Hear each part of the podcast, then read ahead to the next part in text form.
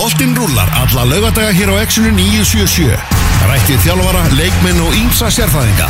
Elvar Geir og Tómas Þór mæta með fótbolta.net á laugadagum millir 12 og 2.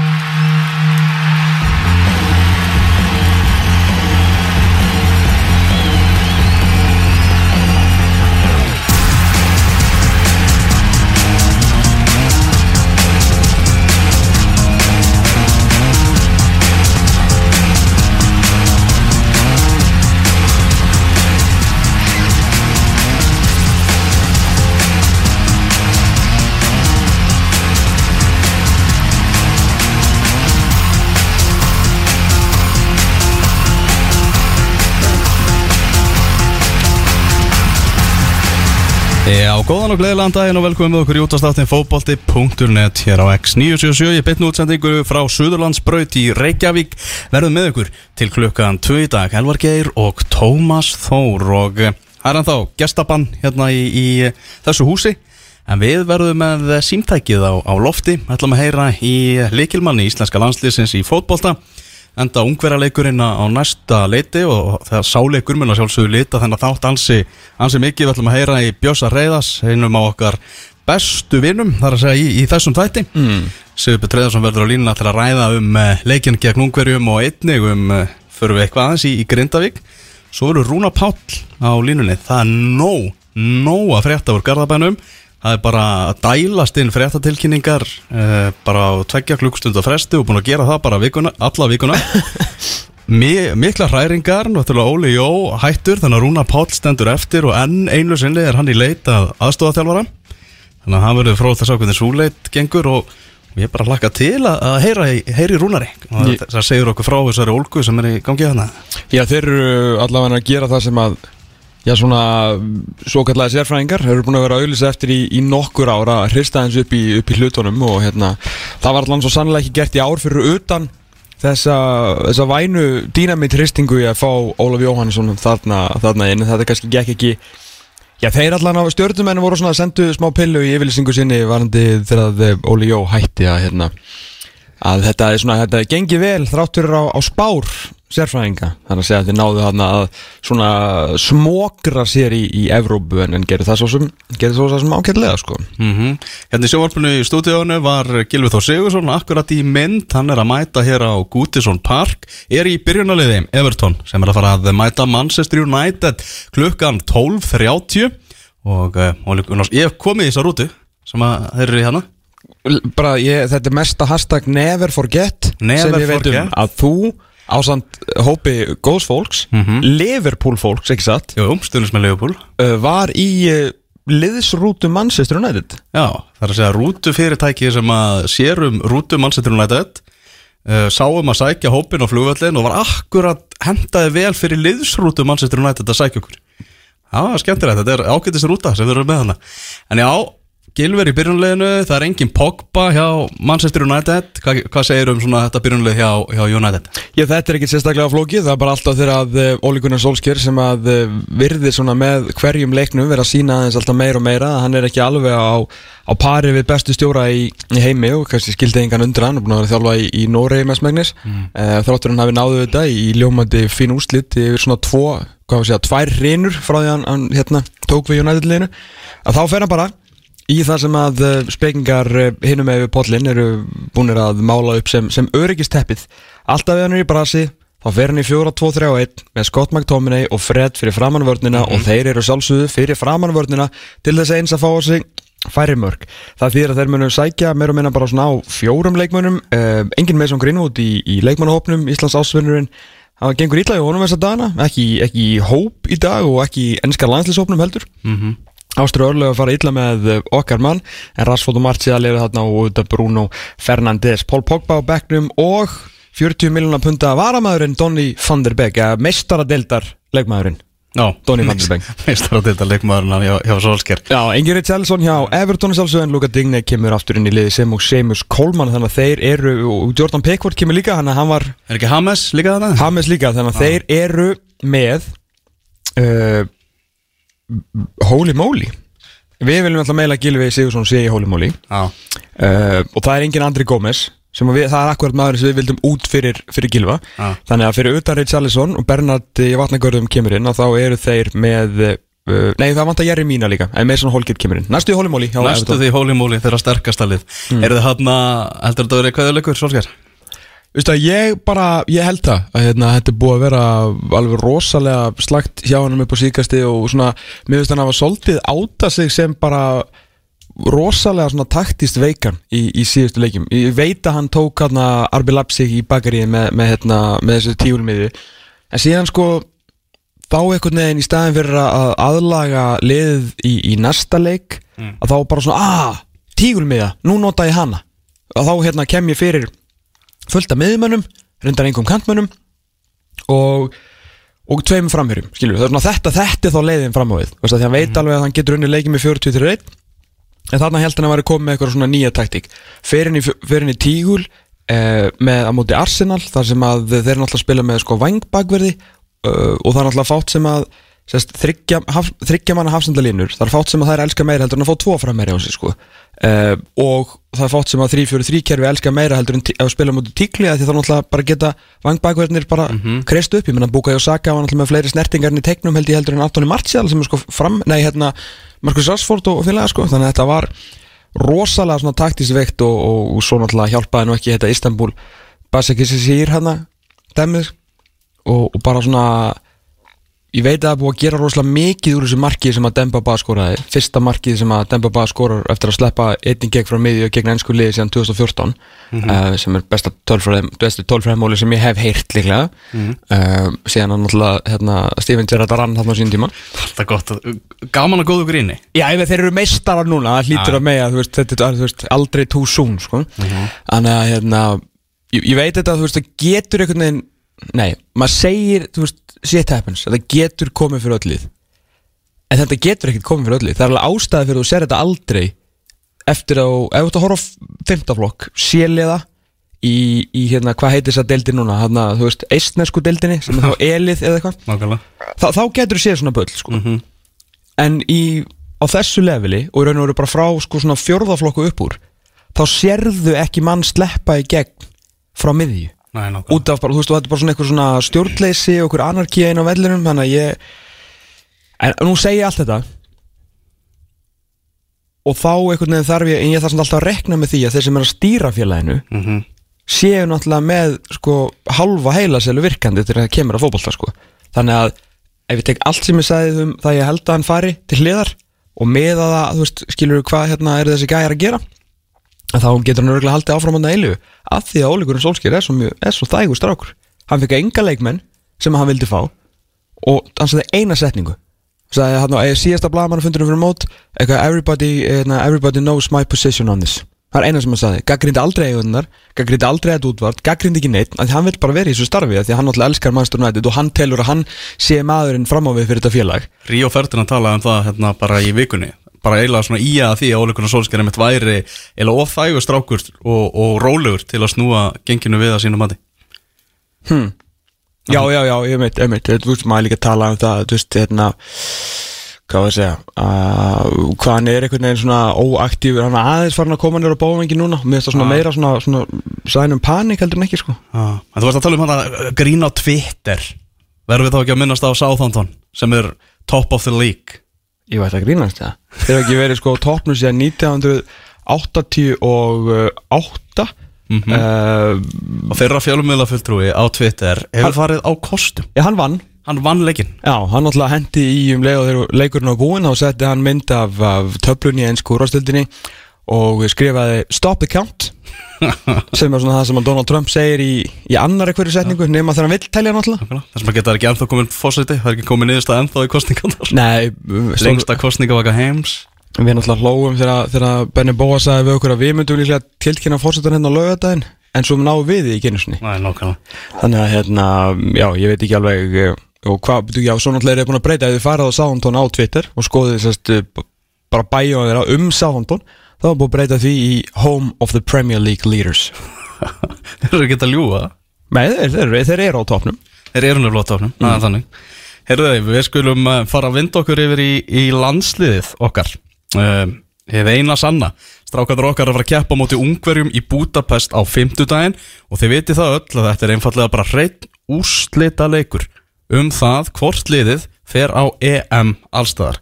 Þvíleikur leikur verður 1945 á fimmtudagskvöld. Ég ætla að ringja í Hannes Þór Halldórsson, landsleismarkmannin okkar. Mm. Ég, veit ekki, er- ég veit ekki hvort að símkerfið sé komið í lag en ég ætla að reyna það, annars ringi úr, úr tölvunni. Það er alltaf gaman bara, þetta gerist live. Já, einmitt, ef ekki samt að það er aðeins hérna smá ára nú ferði það alvar Því að þetta er með borist harðólt bref uh, Ekki ringja strax? Hann er klár, hann er. Hann er Ef, ef, ekki bara farið brefið það eftir? Já, þetta er alveg svakarið bref, sko Já, þá bara, Harðólt bref bara býðið, býðið við, við viðtækin. Já, Mér heyrist þetta að virka. ég syngir komið í lag eða? Það held ég. Eða hvað? Hannes? Halló, Já, góð Heyrðu, daginn það er í lagi, heyrður í okkur? ég heyri ykkur. Það er ilmandi Mikil gleði. Hannes Þór Halldórsson, landslismarkmaður er á, á línunni. Hvernig ertu, Hannes? Ég er bara mjög góður, takk fyrir. Eða ekki? Ertu mættur í, í búbluna? Búbluna fræfi? Nei, nei, ekki að þá. Við Nei. bara mætum í, í fyrramálið í, í flug og með, hérna, með neikvægt test og, og, og svo, þá hefst þetta. Ertu búin að fara í testa? Nei, það er, það er núna eftir. Já, er test númer hvað hjá þér? Það eru, þau eru nokkuð núna. Það er hérna, þannig ég er búin að missa töluna. Er þetta alltaf jafn óþægilegt? Það getur eitthvað vannist í að fá preyk upp í heila? Ég hefur ekki prófað þetta. Nei, sem betur fyrr Ok, nei, þetta eiginlega venst ekki, sko. þetta er eiginlega alltaf jafn svona einhvern veginn skrítið. Já, ég er alltaf með hérna Grettuna og Guðna Fossita svona í, í huganum hérna þegar hann fór einna, einna fyrstu manna, hann var svo mikil á svona eins og batnabít í sítrunus í fyrsta sinn sko, hann var alveg, ég var svona oh. Já, þetta er einhvern veginn alltaf saman, það er alltaf svona smá svona óþæginda fyrir í grepp að þetta gerist og þetta er ekki þægilegt. Nei, nei Nákvæmlega. Eru þeir að fara að hittast í, í Þýskalandi, í, í Augsburg og náttúrulega landsliði þekkir það, þið hafa gert þetta áður, tekið svona base, svona smá æfingabúðir fyrir leikina, meðal annars í, í Parma og svona náttúrulega antalja í Tyrklandi og, og, og víðar. Þannig að þeir eru svona, alveg vanir, vanir þessu prógrami. Já, já, þetta hefur gefist vel og, og ég held að þetta sé bara mjög svona fín ákvörðun og líst bara vel á þetta. Mm -hmm. Gaman að heimsækja Augsburg, sjá svona hvernig, hvernig Alfred hefur þetta. Uh, já, þegar þú segir það, ég hafði ekki leikt hugun að því en, en það er bara mjög skemmtilegt.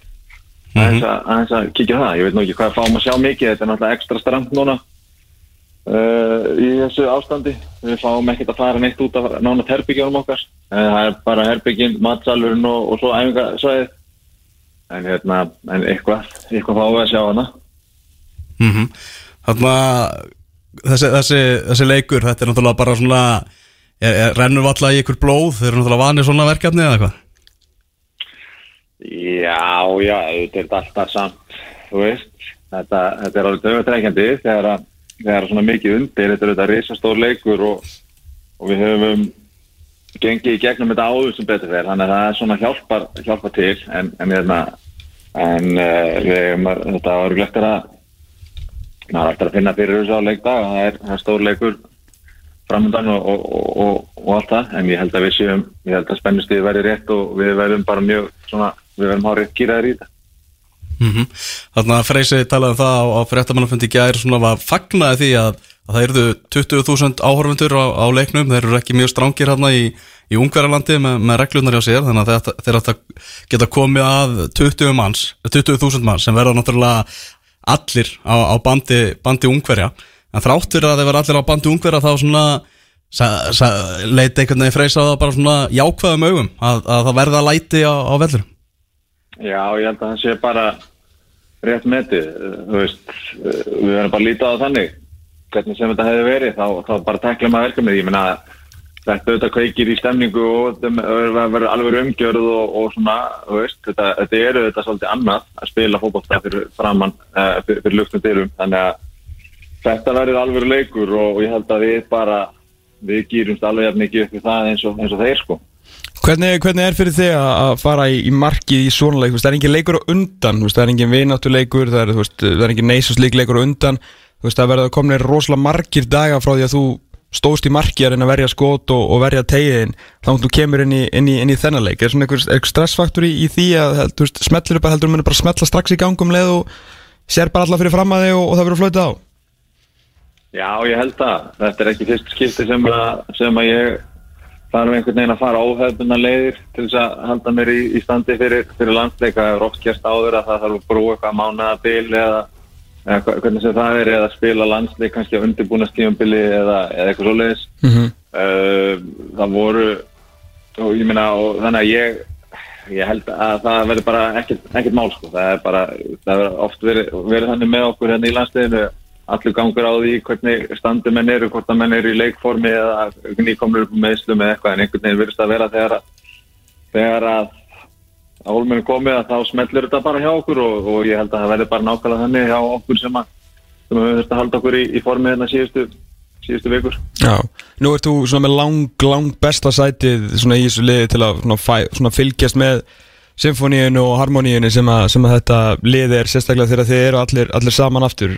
Rosalega langt síðan að þið að fengið að spila á ykkar já svona allra sterkasta allar með þessu liði sem að, sem að við erum vanir að sjá eins og gegn, uh, gegn Rúmeníu sástu bara strax á fyrstu mínútonum bara, já, já, þú veist, við erum ennþá með þetta það er bara, þú veist, þetta er allt í, allt í takt hérna Já, ég myndi segja það. Ég svona, efa ekki aldrei um það, sko. Ég meina, ég held að við erum bara með frábært lið þegar við erum með, þegar við erum með eh, alla mannskapin og, og hérna, það er engin tilvílun hvaða árangri við höfum verið að ná síðustu ár og við finnum það bara þegar við erum, þegar það eru allir með þá, þá er ekkert margir sem að eiga Já, sem að, uh, þú veist, þetta er stóru liðin, ég meina við gefum öllum, öllum stóru liðanum leik og við bara erum, erum sigurstranglegir í flestum leikim finnst mér þegar við erum, erum hérna, með alla mannskapin og ég held að, og maður fann það bara bæði hvað sem gýraðir menn voru fyrir þennan rúmenuleik, tvílitt hungur í, í hóknum og, og svo bara einhvern veginn, eins og segir takturinn bara einhvern veginn varðað með leið og leikurinn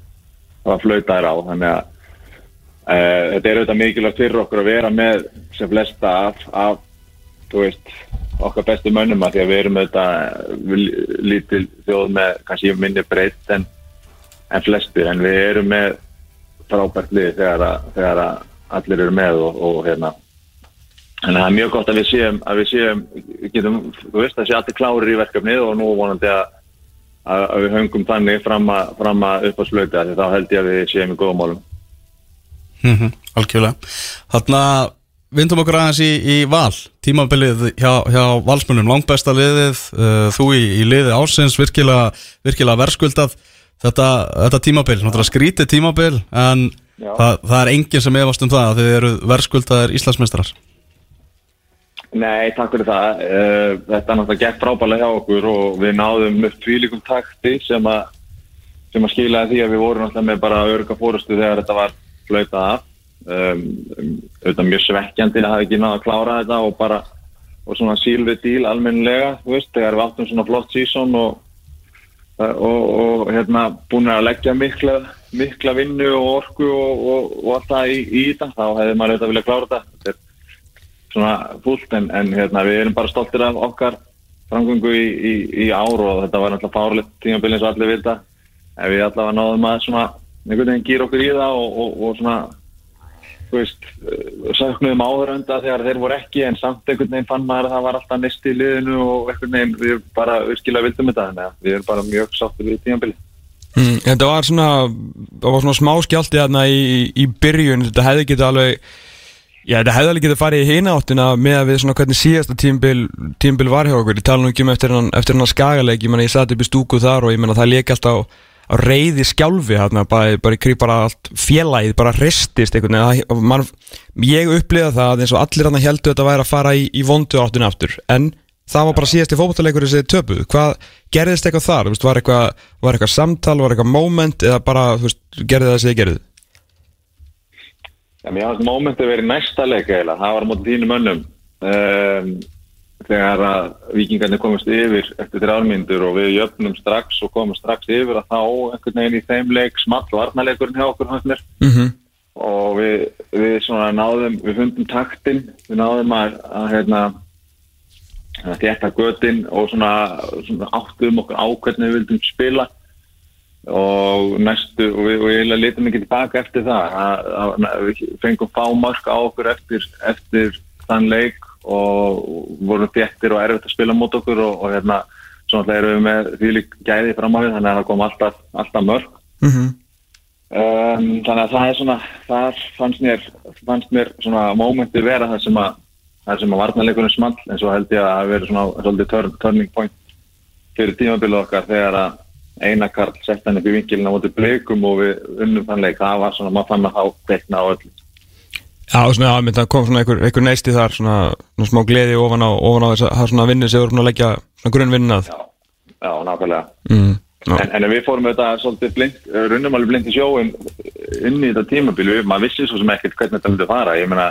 það fóru þetta, við reyndum og reyndum og gerum allt sem við gátum til þess að snúa þessu við fyrra og það bara gekk ekki neitt og, þetta, og svo töpum við fyrsta leik núna og, og, töpum svo fyrir skaganum og þetta og við vissum alveg að vera búin að leggja inn vinnuna og, og svona þá, þá þú veist, getur þetta, þetta hefur alveg geta farið í alls konar áttir eins og þú segir en, en ég held að ég held að þetta hafi samt ekki verið tilvílin að við náðum að snúi sér bara við og, og, og hérna og ná síðan upp þessum takti við, erum, við vorum í góðu formi og, og búin að æfa vel og svona vissum það alveg þannig að það var líka svona sjálfströst að við myndum ná að gera það Já, það sem, er sem búið að ræða flesta þessar leikmenn uh, í, í valsliðinu undarfærin svona hvað, fimm ár síðan að bara byrja að vinna hérna titilnánast á, á hverju ári. Það taka kannski einn út úr í svega því hann er svona nýjasta, nýjasta nafnið í þessu, það fær kannski smá lofræði frá, frá næstismarkverðinum uh, Valgi Lundal, því lík svona því lík coming of age á hjá honum á, á þess tímbili Hjælt og ætlaði að fara að leiða mér rosa vindinum hana Nei, ég, við erum búin að gera það stanslöst í sex ár sko Já, ok. Já, Valli er búin að vera frábær. Hann hérna, kemur auðvitað inn í þetta svona tiltölu óvænt og, og hérna, er á öfur í lögt og þarf að aðlægast ungur og þú veist, búin að spila fá að leiki en man, man leiði eins og hann væri búin að spila bara mörg hundru leiki sko. Mm -hmm. af, því að, af því að hann þurfti að þú veist, díla hann, það er að díla við erfi aðstæður hver meinasta leik og meðan hann gera bara nánast í hver skipt upp á tíu sko. Þannig að hérna, mér finnst bara ótrúlega hvað hann hefur tekið miklu framförum og hvað hann var stöður og, og bara og góður í, í summa, mér finnst það bara frábært. mm. hvernig, hvernig var þetta duo hérna, Heimir og, og Túfa? Bara Og er. Frábært, já, frábært þjálfara, þjálfara tegmi. Þú verður náttúrulega að taka serkin með þetta líka. Já. Heika Magma þjálfara. Já, já, jú Það- Hérna, en uh, sko, uh, þú veist, heiminn náttúrulega er bara eins og hefur komið fram ofta áður, hann bara harður, lætum menna æfa mikið og við vorum í góðu, góðu formi og, og hérna uh, farið í, þú veist, taktík og og svona, þú veist, leikinni teknaður upp og, og, þannig að, og svo er náttúrulega túfa, túfa er, er svona með, þú veist, smáatriðin varandi varnarleik og, og svona mjög eljusamur og, og orku mikill og vil æfa mikið líka og, og svona einhvern veginn alltaf að, þannig að veist, þetta er bara svona virkilega góð blanda og þeir þegar hvort annan upp og, og mest að það sýndi þessi náttúrulega bara í ára að það er eitthvað að virka þetta. mm. Ekki spurning og nú er bara einhvern veginn að já, ef að fótboltinn byrjar aftur sem að búist nú við kannski að að þurfa að passa einhver að þetta ekki í sama pitt og, gerist á síðustu leitið ég meina það, meina, það er svona þessi frasi um að það er erfitt erfið að halda í tillin verðist vera bara verðist vera svolítið sannur svona þegar maður horfir, á, horfir eitt ár tilbaka. Já, já, það er, það er alveg öruglega engin tilvílun að þetta gerist ítrekkað, þú veist, ef þú ert búin að ná svona flottu tímabili þá svona fer, þá er ákveð spennifall og, og svona, en ég held að ég held að það- það að tímabili hafi verið blásið af svona og það hafi verið án áhörvenda og eitthvað svona, það gerir það að verkum að það er engin hægt á því að við verðum mætum eitthvað svo ofandi inn í næsta tímabil, þetta er alveg klárt mála með þetta þjálfara teimi og bara hennar leikmannahóp og bara sjálfskursi sem hafa komið, komið í okkur, það er alveg bóttið mikið hungur að klára mótið almennilega aftur á næsta tímanbili og fyrir framanstöðunis menn vonandi og bara hefðbundi hefðbundi mót, það verður hungur í, í okkur, ég get lofaði því. mm. Ekki spurning, Hannes, bara gangi hrigalega vel í, með eh, já, landsliðinu. Þið nú að fara með okkur á, á stórmót treysti ég, í Rússland er enda núna það er EM allstaðar er svona verið störa að degja út sko, sem er mikil synd en kannski, kannski ekki verið nefnir að búast á, á þessum tímum. Eh, nei, nei, það er planið, við ætlum að, við ætlum að klára þetta og, og hérna svo erum bara samfæður um að það, það er að fara að gerast. Ekki spurning, Hannes Raldursson, landsleis markurur í Íslands til hafingi með tillin og bara gangi hrikalega vel í, í næstu viku og ykkur öllum Takk fyrir það, takk fyrir mig, heyrun Bye, bye. Bye bye. Það held ég, það held ég, þetta var Hannes Þór Halldórsson í byttin á leiðin í skimun og alltaf fara með neikvægt síni til eh, Þýskalands þar sem að Ísland verður í æfingabúðum hjá Á- Augsburg. Já, við þeir sem eru með glænýtt neikvætt test sagði hvað freysi á fundunum í gær þeir bara lapp inn í landið. Já, það er þannig. Eða lapp inn í búbluna. Já, er, þetta er bara búbla, þeir fá lítið að skoða og lítið að gera þarna og svo fljúa þeir til Ungverjalands á miðvíkudaginn uh, æfa á þessum magnaða velli Púskas Arena sem að vonandi verður vinna völlur okkar Íslandinga síðan því að uh, það ennþá stefnir UEFA því að þetta verði EM allstaðar glæslegt og þá á að spila á þessum velli og þá munum við spila á þessum velli. Já, við erum nú þegar, við verum sko, við erum engi vinir í UEFA ef við tökum ungverna því þá við búin að henda út sko einni geskja á þjóð, uh, Rúmeníu og uh, verðum þú búin að henda því að náttúrulega er, verður spilað í Búkarest og þá verðum við líka búin að henda út uh, ungverjum sem er náttúrulega langa gríðarlega mikið að, sína álfunni þennan uh, glæsilega völl sem næsta ári sko. En þeir getur vissulega að fá þeir að sína völlin en það er alls ekkit víst um að þeir, að þeir fá að spila þannig að alltaf strákanur okkar að koma svo sannlega í veg fyrir það. Þeir eru hópurum valin í gær mm Við ætlum að fara yfir hann hérna rétt og eftir og, og með Bjössa Reyðars já, mikið af óvæntum tíðindum og Nei, það þarf ekkert mikið kannski að eða mörgum orðum í, í þetta. Þetta er bara gamla bandið og, og, og það er bara fínt sko. Það er bara fínt, það virka vel. Heyrðu, þarna Ég fekk svona smá móment í vikunum um hérna, eða svona svona, að því við vorum alltaf svo pyrraðir við því að færeingarnir væri svolítið að stela þrumun okkar, að því að við vorum svolítið að að púpa á okkur í hérna Evrópukefni og, og færingarnir voru nálægt því að komast í reyli kefni Evrópudildarinnar og við vorum svona reyfi upp það þegar var hérna annað hver maður sem átti myndavel var að taka upp heimildamindur um íslenska ævintýrið. Já, Ég fór í hérna í viðtalu við hérna það er frakki sem að býr hérna á Íslandi sem er fréttarittari AFP á Íslandi. Ok. Og hérna ég fór í viðtal við hann hérna um íslenska lið og svona þú veist að komast á þriða stormóti og svona já ok ok við erum ekki alveg glemti hérna. Þetta er ennþá alveg merkilegt hvað við erum hvað við erum öflugir í þessu sko. þannig að svona finnst sko að því maður orðin svo þreyttur á þessu á sínum tíma að þá bara þú veist maður er að fá e-mail bara út um allt og allir flestir í okkar starfstéttskilu voru leitaðir uppi og maður var hérna að vakna á mótnana til að fara einhvern út að sátt í Ástralíu til að útskýra hérna hvað þessar knaspunni hallir var um að gera ég veit ekki hvað og hvað sko. Og segja að Heimir væri tannlæknir og Heldur Hannes kvikmynd að gera maður kvikmynd að gera maður, ég veit ekki hvað og hvað sko. Að hérna, þannig að það það hafi verið langt síðan síðast en ég var svona, ég, ég hérna, veitti þetta viðtal með, með glöð, glaður í bræði þar sem að ég vildi endilega endilega svona halda þessum heiðri strákan okkur á lofti sko, líka AFP, stórt dæmi. Já, reysa, reysa Heyrðu, þetta er nú bara bref, segiru Já, reyðibref Já, Svo, svo mikið reyðibref er þetta sko hafna fyrir hérna leikur og reyði skjálfi, ég aldrei séð hana einn sko. Að ég lesi þetta allt eða?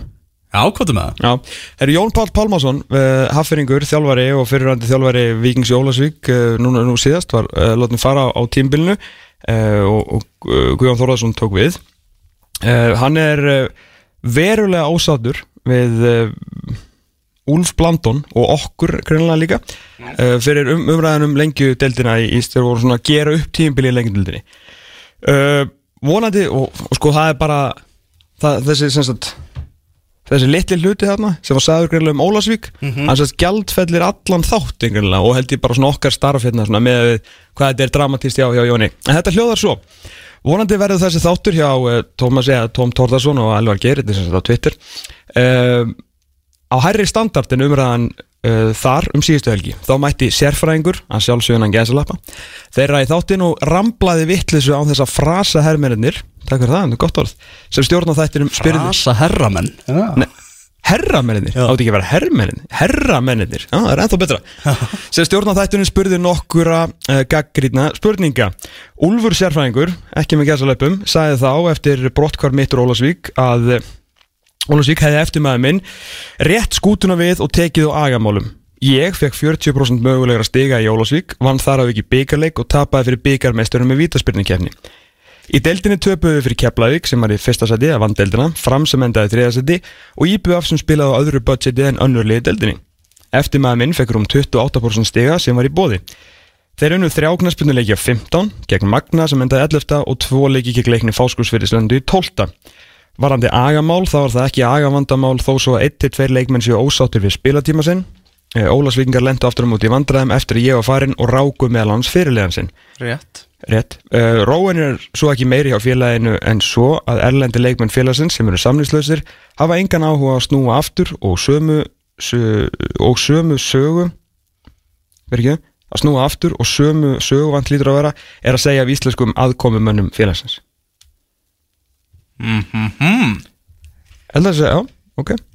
Já Og lækin hrannast hérna upp í, í, í Hafnarfyrði hjá uh, stórvinum hans en ja, bara fint, hann má bara hafa þessa skoðun og allt er góð með það, en Úlur Blandur náttúrulega er bara álitskjá hjá okkur og segja það sem að, sem að honum finnst sko. Já, nákvæmlega. Það er ekki sérstaklega flókið og ekki til fyrsta sinn sem að þjálfari hefur verið gaggrindur og allt til að hefur verið hérna, eitthvað mótvöldið því en að talandum eitthvað svona háan, háan standart og eitthvað þá bara vísum við því til föðurhúsuna en endilega bara sendu bref og vantaði heldur ekkit upp á að hann var alveg klára að koma í þáttir hérna á sín tíma þegar við tókum svona drottninga viðtal við hann um endur komið hans íslenska boltan og svona. Þannig að menn svona velja sér momentin til að vera klári í slægin eða á móti. Já, hann bara gengisvellir allan þáttinn Allan þáttinn. Út af þessu, þessu kvóti frá, frá Úlfi. Já, ég held að þetta bara að ringja í Úlf. Held að það var hann sem að sagði þetta. En allt er góð uh, Ef Jón Páll vil fá símanúmer í honum þá erum við með það. Það er nú verið þannig. Já, það vil svona til, hann er er oft í þetta sko Já, halkilega. Heyrðu, við ætlum að eh, taka okkur smá hlýja svo ætlum að ræða um íslenska landsliðsópin sem kynntur var í gær. Við ætlum að heyra í Bjössa Reyðas, hann ætlar að segja sitt álit. Við ætlum að halda áfram að ræða um þennan leik Ungverjaland Ísland sem verður í Budapest 1945 á Á. 50 daginn. og ætlum að ræða hann á háum standart Já, ætlum að, ætlum að reyna það allavega. Já, reyna það, gera okkur besta Það er til hérna. Já, ekki ætlum við að stoppa alveg strax. Við verðum þetta með ykkur til klukkan 2 Elvar Geir og Tómas Þóri út af stættunum fótbolti.net Hendum hljóðheiminum hérna undir. Hljóðheimur íslenska landsins stýttist í uh, stærsta leikinni á strákunum okkar í ansi, ansi langan tíma. Við fáum uh, úrslita leik, ég held að þetta er svona fyrsti úrslita úrslita leikur sem að þetta íslenska landslið hefur bara svo nokkuð tíma hann spilað. Þau verið að verið stórir með svona möguleika að gera hitt og þetta, komast þér í stöðu, þetta komast þér á EM og, og HM en engin leikur þar sem að er hægt að svona einn hreinn úrslitalegur Já, það sem er möguleiki 120 mínútum og vítum Þannig úrslitaleikur, það sem allar marmarakúrunar eru undir. Nákvæmlega. Á línunni er Bjössi Reyðars Sigur Björn Reyðarsson Er þetta ekki spenntu fyrir 50 deginum Bjössi? Jú, heldur betur, maður er uh, að spenna sér, ekki spurning. Hvernig er svona bara fyrsta spurning Hvernig metur líkur Já, sigur líkur okkar á að við klárum þetta á 50 daginn og, og komum okkur á EM allstæðar á næsta ári Já, ég er svona, eftir að hafa reynd, að rýna eitthvað í þetta, þá, þá meti ég þetta nú bara 50-50 lega, sko. mm Það er bara, ég vil nú að segja svo er, þetta ungverska liðið er náttúrulega, uh, er ágættislið og ég minni með gott skipulag og þetta er ekki besta lið í heimi, þannig að það er klart mála við eigum uh, möguleika hana og við erum líka fínir útivillu, þannig farið í erfið útileiki og staða okkur mjög vel náttúrulega eins og við þekkjum. Þannig að það á ekki að koma okkur óvart en, en hins vegar þá er þetta þessi eini leikur og, og ungverjarnir svona þeir eru eh, eins og eitthvað sagði bróðáttir það má alveg tala um það og þeir geta varið er eins og það er ef maður horfið til þess á á síðustu leiki hefðum og mörg sem þeir hafa til þess verið að skora þá gefur þetta úr öllum áttum. Þeir geta leiðið tilbaka og sótt hratt og gera það ágætlega. Þeir skoru fyrstu leikatriðum hotnum og, og öðru slíku til dæmis eins og fyrst, síðasti leikur þá e, vinna er Serban úti bara á attack eiginlega. e, leik, leiknum þar á undan þá skora þeir úr fyrstu leikatriðum þrjú mörg eða í kringum fyrstu leikatriði -hmm. svo leiknum þar á undan þá skora þeir tvö mörg úr geggjum uppspilsóknum. Bæði röðum og halda bolta þannig að þeir, þeir geta varið þeir aðeins í miklu sko. Mm Þetta er hérna Freyr talaði um það á fréttamannafundunum í gæðir að þetta er, þetta er svona líkamlega stert og, og öflugt lið. Já, já, þeir eru það. Þeir eru með eh, hérna, líkanlega sterkast stráka og, hlaupa mikið og eru skipulegar. Ítalið að það með og, og hérna og hann er ekki að, að, að velja eitthvað að ventla í liði. Sko. Það er bara, þetta eru, þetta eru stráka sem eru, eru leggja sig 100% fram og, og hérna og eru á fullu. Geta hlaupið mikið og eru líkanlega sterkir og þetta er ekkert, eh, sko, bestu fótbollamenn í heimi en, en það er góð liðseld í þessu og svo eins og ég segi, eru þeir með, með fullt af vopn ég meina, tíjan höfðum Salzburg leikmárin hérna svo, hérna Dominik mm. -hmm. Sobolsin það bara ert á réttri átt. Hann síðustu tvö mörg hans með landsliðinu hafa verið sko aukarspinnu mörg og engi smá mörg sko. Já, þannig að hérna að þeir, þeir eins og ég segi eru, eru, eru með helviti mikið í sínum, sínum pakka sko, án þess að vera án þess að vera Brasilia, ef maður getur sagt það svo sko. ákvæmlega og þeim hefur vegna náttúrulega þeir eru á eina leiðilega góðu skriði þeir koma, koma inn í þennan, leik þeir eru búin að vera í hann á flottum úslitum Já, já, en, en ekkert rosalum á heimaðalli Nei. þeir eru reyndar að hafa ég meina þeir, ég meina ef við förum yfir síðustu leiki þá, þá er þetta reyndar á útifelli helviti mikið Mhm. uh, ég meina þeir töpuðu fyrir rúsum heima og, og, og hérna Úrugvæ þessi síðustu tveir. Þannig að, að, að þetta hafi verið mikið til útileikin og þeir hafa náðu þessu úrslitum, það er alveg rétt. Þannig að, hérna, að þeir koma þokkar einn samt sem áður eru við bara með það mikla reynslu í því. Ég er aðalega að pæla í sko leikkerfinu það sem þeir hafa verið að spila. Þeir hafa verið 3-5-2 3-4-3 þú veist, þeir eru með þryggjamanna vörnina Mhm. og hvernig mætum við því við förum við í förum við í eins og við gerðum á um daginn eða móti belgónum eða höldum okkur við okkar bara þannig að það verður spennandi að sjá það sko. hvernig, hvernig hvernig leikstílarnir verða Mhm, mhm. og, og hérna og ég held að svona, ég, ég held að við höldum okkur við sama lið og við spilum mútið rúmunum um daginn. Ég er svona, ég, ég svona hallast af því að við förum í það. Mhm, uppskrift sem virkaði þá og, og hún verður mjög líklega notuð þarna bara aftur. Já, ég meina, þú veist, þetta er eitt leikur, þetta er, þetta er úslita leikur, þetta eru strákar sem þekkja þetta, þetta er uh, hérna formúla sem hefur virkað fyrir okkur, þannig að það er þéttleiki, það er þólimaði. Við erum ekki að opna okkur, ég meina, og, og, og þó við bætum við, sko, þriðja manninum í vörnin eða eitthvað svoleiðis, þú veist, það, ég held að við, eru bara ekki það, ég held að það, það bara hendi ekki nóg vel. Ég, En- En, en nú björst sko með, hérna, með, með liðið uh, Við vitum náttúrulega að leikmenn eru algjör ofurhautur þegar að fara í, fara í bláa búningin og kannski skiptir ekki alltaf máli hversu mikið út að spila, hvernig út að spila með, með félagsliðin og, og alls súumræða og, og allt í góðu um náðalega svakalum árangri en bara með Birki Bjarna því að hann er ekki búin að spila sko liðsleik síðan í júli og þessi leikur fyrir fram í um meðan november og við sáum að Birkir er ennþá heldur betur á lífi og Gulli getur alltaf nýst okkur á miðinu heldur þessi engin séðans að, að vindurinn bara byrja þetta? Jú, það er síðan, ég, ég hallast að hinnu en, en þá, þá, þá komum við að hinum uh, möguleikanum sem, sem þú einmitt rétt, bendir svo réttilega og að, að bara Birkir fari út og Guðlu fari mitt inn á miðið með Aronni Já, og, og Arnur verði þá uh, úti áfram. Ég, hérna, það geti verið.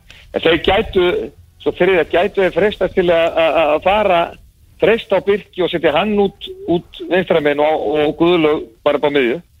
Því ég held að ef þeir eru í þryggjamanna vörð, Mhm. þá getur Birkir okkar, Mhm. Sæfas, nýst alveg óbúslega vel.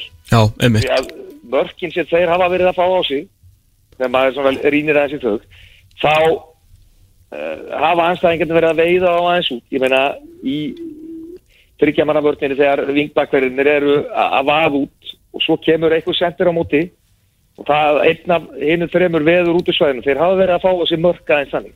Kemur mm boltinn bakið, það sem kemur djúpt hlaup og svo fyrirgefi. Já, Þar hafa þeir verið aðeins vikið. Þannig að ég hugsa alveg að þeir getur skoða það okkar menn í, í brúnni.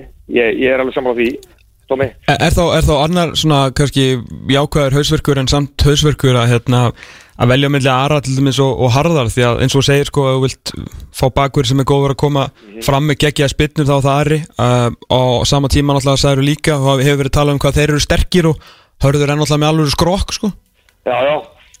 Ég, sko, í fjögra manna vörðin, þá held ég að við höldum alltaf, alltaf uh, herðið þarna. Ég held það bara, mm -hmm. ef Birkir er að vaða mikið upp Já, og já. þeir eru með tvo sendera, uh, þá, þá getur, getur hinn ekki verið að fara einhver. Þeir fara aldrei að vaða með, með last einhverju svoleiðis upp hérna þannig ég hugsa að þeir getur þá ef þeir myndu setja byrki máinn þá væri þeir að huga því að fara þá, þá, þá meira upp hægra megin í, í með, með það fyrir hugum að, að koma spakuð á þar og svo gæti þá vonandi gilvi með sína rosalegu hlaupagetu mögulega fundi, fundi svæði þar á, á þá reynda að veiða víngbakun upp og reynda að láta hann þá liggja, liggja eh, fyrir neðan þá, þá, þá sendir sem myndi leggjast á afsendi þeim megin. Mm. Nú, nú ertu búin að greinlega skoða þetta ungverðarlið vel ef við erum bara í, í, í fjóri fjóri einn einn með, með gamla bandið inna og, og þetta svona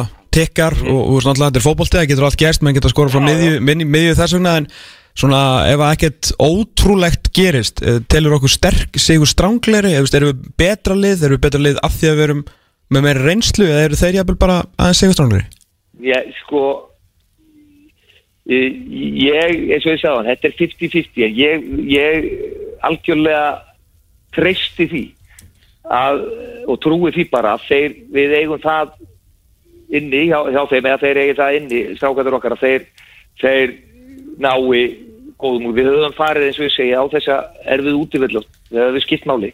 Þá höfum við gert þetta ótrúlega vel. Það er tólimæði, við erum fjettir ég er ekki vissum að ungverðarnir þeir ná að brjóta það til að baka eftir og við erum alltaf með þess, þessi gæði í, í þá förstu leikadröðum og þegar Gilvi Gilvi er á sínum degi þá, þá getum við alltaf skorað eitt og mörg og ég, meina við erum ekki í þessu verkefni erum við ekki að fara að fá okkur klása mörg og ég er alveg samfórið um það. Er ekki góða líkur bara því að þessi leikur bara fari alla leið, bara klárist í, í framleggingu og jafnvel vítaspunni kenni? Uh, jú, það er ekki ósennlegt það er, það er bara það rosalega mikið undur og þegar maður fer í svona úslítaleik sem er bara, þú veist það er, það er ótrúlega mikið undir. Þannig að það eru allir með það hafði náttúrulega bak við erum þegar þeir eru að spila leikin þannig að það, það ég á ekki vonaði að það verði einhver, einhver gambítur strax í byrjun sko.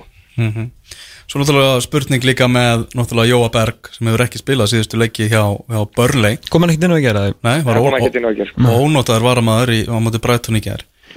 Já, ég, það er spurning, já, ég, ég er reyndar held að það sé ekki spurning, ég held að hann verði alltaf inn og ég held að það í þessu þá held ég að það sé gulsi gildi að, að, að byrja með menn sem hafa hlaupið þetta hundra sér, eða spilað, spilað þetta miljónsinnum þekkja hvern, nákvæmlega hvernig hann og eiga svo eitthvað trompinni ef við þurfum að brjóta upp leikin í, í restina.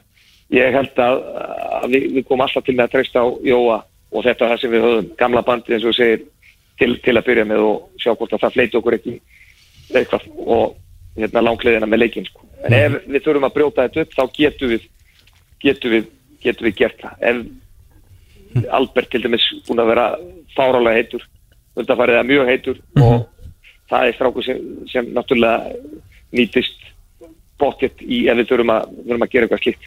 Já, nákvæmlega, hann er svona já, mjög líklega að hugsa sem svona X- X-faktorina á bekknum ef við þurfum Já, á, á að halda þá, þá grítum við honum Já. inn fullur Og- af sjálfströsti og, sa- og vítaskita Já, Já, já, það er ekki spurning. Og ég, ég tala nú ekki um það. Og svona, þú veist, hæfilega kærulaus og í það er mitt þannig að þú, þú verður að hafa, hafa þannig típur þetta ég, ég er svona eins og ég sagði fyrir, ég, ég held að við bara höldum okkur við okkar, ég held að við förum bara í, í, í þetta eins og við gerðum cirka bátum út úr rúmunum með þó þessu eina aðna vinkli. Við erum þetta dótt í stór vinkil, það er ekki það. Og við tóðum rætt á hann en, en, en, hérna en ég held að við séum ekki að fara í, í að gamla með eitthvað annað þessu ég, ég bara, ég á ekki vona því Nei. ef, Og- ef ítla fer er, er, er kameran þá að fara að kveðja eftir þennan klukka Já, ég held það. Ég, ég, ég er ekki með því að þá, þá sé það orðið, orðið gott. Ég, ég ávona því að við myndum skiptum þjálfara þá. Mm. Ég er vítla fyrir. Nákvæmlega það fer ekki, ég, ég, ég, ég ok, í upphæðu samtalsins og svona 50-50, frábært, en, en anskotin, ef við erum ekki komin inn á það, þetta er svona 51-49 fyrir okkur. Ég, það ekki? Og bara tala því meiri ákvæðinu Já, ég, er svona, maður þorir líka, sko, maður þorir líka að hugsa það, sko, þriðja stórmóti í röða, sko, þú veist, þú veist, er þið með ólíkindum, sko. En, en, en það er samt svo. Og Ég, ég, nú eru þeir, þessi, ég meina, þessi gæja núna eru bara að innstilla sig inn í þetta, ég meina þetta eru þú veist, þeir horfa bara í auðun og hver auðun sko, maður, maður þekkir þetta þegar maður er í, í, í, svona og þeir búin að vera þetta í, þú veist, þetta mörg á þeir bara hefðu anskotin, ef við löpum ekki þessar 120 þarf sko og, og, og, og gerum þetta skilur ef þetta hérna, væri síðasti leikur þá skal hann líka vera þannig að það sé sko, það sé allir búin að tekja aðeins á sér algjörlega. Mm -hmm, mm -hmm. Hérna höfum við einhverjar uh, einhver ágjur af, af uh, kára? Bara svona mm, aldur þú veist, uh, fyrir störf og lítið að leikjum og smá meðsli Nei, Nei, ok ég ekki, ekki nokkrar ágjörðum hann er bara þekkir þekkir sitt algjörlega. Það er bara eins og gæi sem sko, er að fara að laupa sitt 200. marathon sko, hann veit nákvæmlega hvað hann á að spýti og hvað hann á að, að, að, að slaka á ef hann á að gera það og ég meina, ég bara ég dreist honum 100% fyrir þessu og hann er, hann er ekki háður því að þurfa að fara upp völlin að sóla eitthvað eða verið í ykkur svo, hann veit nákvæmlega hvað hann á að gera og, og, og verður klárið þetta, verkefni, 100% Já, það er gott að, gott að vinda Þannig að við erum 60-50, cirka bát. Já, já, ég, ég, ég held það sko. ég meina, ég, og eins og ég segi, þetta ungverskalið þetta er ekki, ég meina þeir er- eru, eru bara fínir og eru með sín, sín vopn og annars líkt en ég meina við erum, við erum það líka sko. og heimavöllur eitthvað 20.000 manns, það bara poppar allir upp, það er allir, býðu allir eftir þegar komast í áhöröndu sko. Já, ég meina, þú veist, við fórum nú til Albaníu þar sem menn voru nú bara að reykja í markinu, sko Já, já, og Turkey og ég meina, við, við höfum gert þetta, þessi gæðir hafa gert allt Já, ég finn ekki fyrir þessu, bara að fá ein- einhverja nokkra, nokkra ræður sko. og völlurinn jafn stó, ég meina þetta verður bara þetta verður gegja, það er aðalmálið er bara hvernig hvernig maður sér svona leikjærfin leikjærfin mattsast og ef við erum bara í okkar og, og, og erum, erum til, bara þéttir áfram þá, þá uh, lendum við ekki í vesinu með hitt, það er engin stórsnillinga það sko. nei, nákvæmlega. Herru, hérna, við ekki aðeins að skipta yfir í, yfir í þá gula og, og glaða bjössi. Þetta var svona, voru konur í bara ljómandi fínan gýr Svona, tók, tók smá stund á, á, í sumar en, en þetta var svona, hvað var að segja, síðustu leikindir á tímbilinu og rúmlega það, bara flottir á þér og þínum mönnum. Já, við erum komin til, komin til Grindavíkur Komin svo, svo, svo hlustendur sem við það alveg á hreinu Já, já, ég meina við, við ég sammála því tómi, við, við svona það tók smá tíma að ná takt í þetta og, og, og ná, ná mönnum í, í, í við náttúrulega breyttum aðeins um, aðeins um áherslu náttúrulega frá tímabilum, frá því síðast og núna og, og það bara tók, tók smá tíma að, að ná, ná áttum í þessu, það var bara þetta eins og er og- en setnum umferðin var, var mjög fín hjá okkur og, og, og hérna og við vorum mjög ánægði með hana þannig en það því miður, þá vorum við ekki nógu góður held yfir og ekki nógu stöður svo segir til að byrja með til að, til að, til að vera, vera í sætuna fór upp miður. Þið, fóru fjandi illa út úr, úr mörgum leikjum á, á síðustu, síðustu Hva, Hvað var í gangi þar og, og hvernig, hvernig löguðu það saman? Eh, við náttúrulega eins og þú segir, við það var þarna það voru þarna þrýleikir í þau sem, sem voru voru eiginlega, sem fóru eiginlega með þetta. Mm þannig að ef við tölum um það það var þarna afturhending heima sem við vorum algjöru klaufar að, að missa niður í, í jafntefli. Já, hleyftu þeim bara inn í leikin þegar þeir voru með þá bara í skrúinni Já, já, ég meina það, það, var lík, það voru nú smá ástæður fyrir því við náttúrulega tókum fimm skiptingar og annars líkt og það, það svona sáleikur var uh, ég, það fóð smá taktur úr þessu. Já, það voru að segjast eins og er í teimileik og ég meina það voru bara ástæður fyrir því við, og meðislu og annars líkt en, en svo komu tveir aðrir, það voru útileikir á móti Magna og Leikni Foss.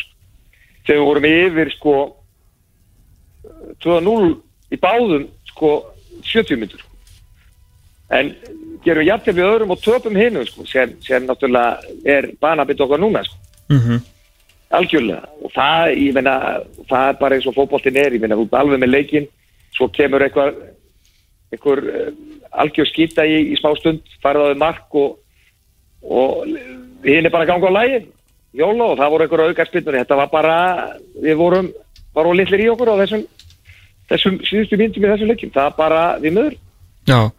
Kannski, hvað er svona, ef maður horfa á eitthvað fyrir því svona í setni, á næsta tímbil kannski aðeins að aðeins að laga varnarleikin, þetta er ekki svona, aðeins að mörg mörg á okkur að þeir eru alveg að skora Já, já, við, við fengum allt og mörg mörg á okkur en, en það sem var eiginlega við fengum allt og mörg mörg á okkur á múti liðunum sem eru í 6.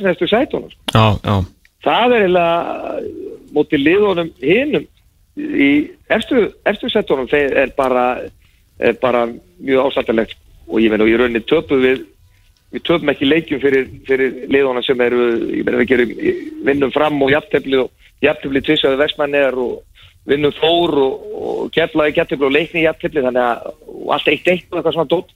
Fyrir utan að það keflaði ykkur leikin þarna en það voru hinir leikinnir á móti liðunum sem við áttum að stýra og, og, og fórum, fórum frama með liðunum slikt sem var, var vesens og við þurfum að laga það, það er alveg hljófnur mm. við, við, það var bara og smá munur á, á því hvernig, hvernig við kannski hvernig liðið hafði spila og við, við fórum að spila það, reyndum það með línuna hátt og ég meina það bara við fórum svo vel yfir það og, og, og bökkuðum aðeins með línuna og þá kom, kom miklu betra jafnvægi á þetta og ég meina það fyrir við bara þurfti nokkra leiki og þá hefur við bara svo april verið helvíti góður í því að hlaupa sér hotnin í þessu drasli sko en, en við erum svo sem ekki eina liðið sem lendur við því. Nei, nei, nokkulega en, en þegar upp er staðið þá, þá bara þá var þetta bara ekki nóg gott. Nei. Þarna, bara, e, það er bara þannig. Þarna leikmannamálin hjá okkur. Ég var að heyra það að, að fyrirliðin ekkar, hann sé að hverfa á braut Gunnar Þorsteinsson. Nú er hann í háskóla ekki? hann er að fara í háskólu og það er, hann er að fara í mjög krefendi nám. Já, hann er að fara sem sagt, hann, er, hann verður ekki í knæspötu með þessu hann er að fara að krifja ykkur að reikmöður en ég veit ekki hvað hann er að það er, það er eitthvað svaka svaka nám sem hann er að fara í sem verður það krefjandi að hann er aldrei að fara að ná að spila með okkur var að segja einhverjum krafti sko. Hann er að fara að taka ári ykkur master í ykkur dæmi sem að skilur ekki og er að fara í eh, hvorki meirinu minna en uh, Columbia í New York sko. já, nákvæmlega það, Það er eitthvað sem við kemist ekki inn nei, ekki, ekki, ekki þessu fæja en, en, en ég, en, ég meina, greiðlega missir í því að- Gunni sé að fara en það skilja frábæri vinnu fyrir, fyrir klubbin ekki spurning með það.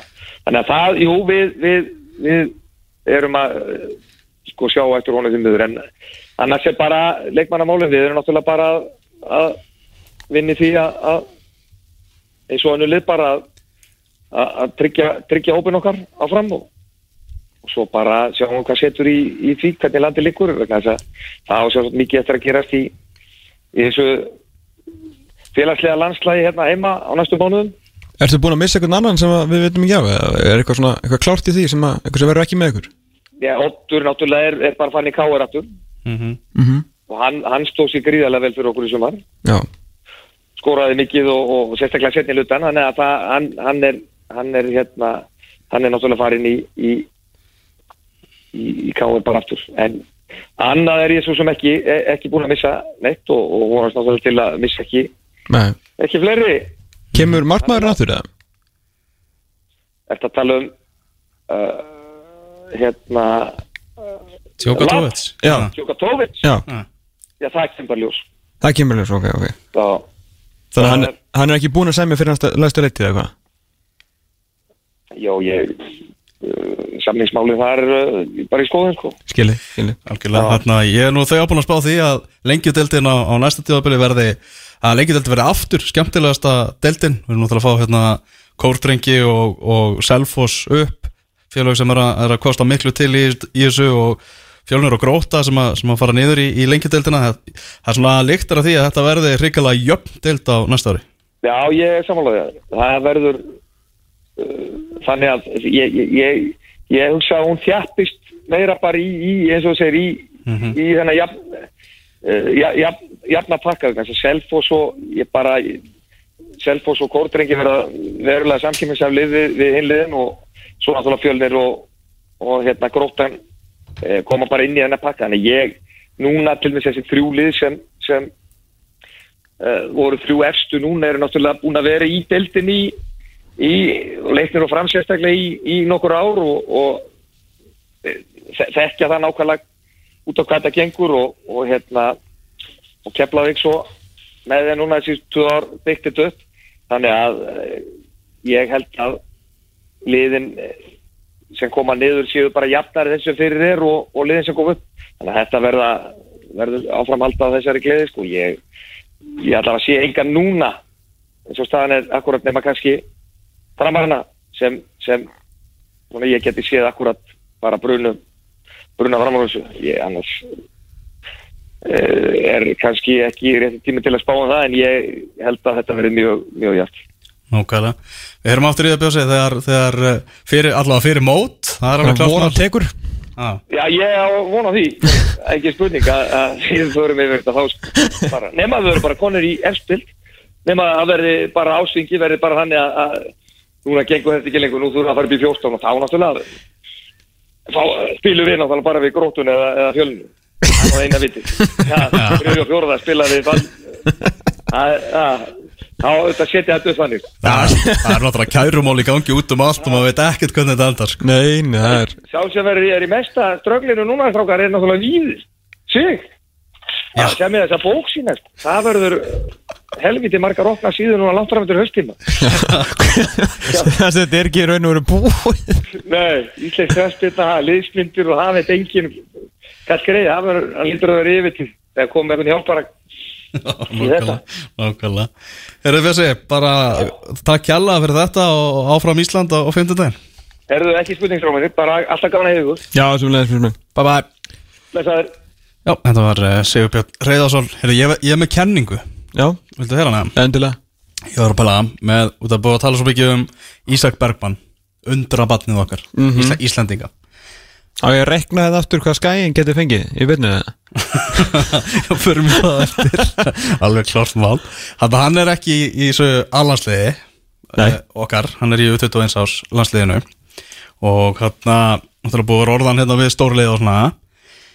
Uh, Gæti hann ekki komið inn Fyrir inn í allansliðsópin Fyrir englandsleikin Spilar sinn fyrsta allansleik Á móti Englandi Á Wembley 18. november Ég er svo hrættur um að þá sem svo taki þeirra hann eftir leik og halda honum bara. En það var hann komið með landsleik? Já, djók. Þá var hann komið með landsleik fyrir Ísland? Það væri reynda geggja á móti englendingum sem, Sem eru að- búin að vera að fjalla um það að hann á möguleika á því að spila fyrir hanska landsliðir Já, fyrsti leikur Ísaksberg, þú veist, við erum að tala um U21 landsliðið. Á leika móti Ítalíu á 50 daginn, risalegur á heimavelli hammingjunar svo faraði sko til Írlands 15. november er leikur þar Mhm. Írland er nú ekki mjög langt frá Englandi og 18. november er England-Ísland hvenær var hinleikur í særu? 15. Það eru þrý dagar á milli Mm. Jú, heggi kemur inn á á móti England og Wembley Þetta er bara, þú veist, við erum að leika okkur Við erum að af bú, hverju- búa til einhverja sögulínur Fínt bara að negla þessum landsleik á hann Já, við, við, við höfum ekki alvörum að grínast með það höfum ekki alvörum áhyggjur að hann fara að spila með einska landsliðinu. Nei, nei, hann er hann búin að segja það sjálfur Þetta sé bara Ísland alla leið. Að sjálfsögðu og það er ekki eins og hann sé einhverja þvílíkar rætur hann á einhverja fóreldra, hann bara fættist á Englandi þar sem pappans var að, bjóð með í mannstöru með þessa og, og hérna sem pappans var að spila með, með börli að hérna mm, Líka sem ég hugsa, sko mm. Þetta er bara, er bara pælingar Erik Hamren, mm, þú veist, hann er gæti kvart sem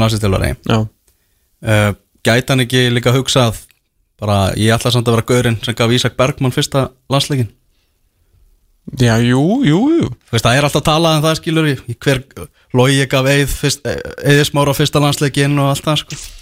Já, og líka bara svona ef að þetta verður hans kveðileikur og í talningjum ef, já, veist, ef, ef, verður, ef England verður kveðileikurinn hans þá ertu náttúrulega að rekna með því að það hefur allt farið í skrúuna í Ungverlandi því að annars verður hann vantilega áfram. Um, og þá kannski er náttúrulega ágætt svona að hafa jákvæðan umræða punkt sko.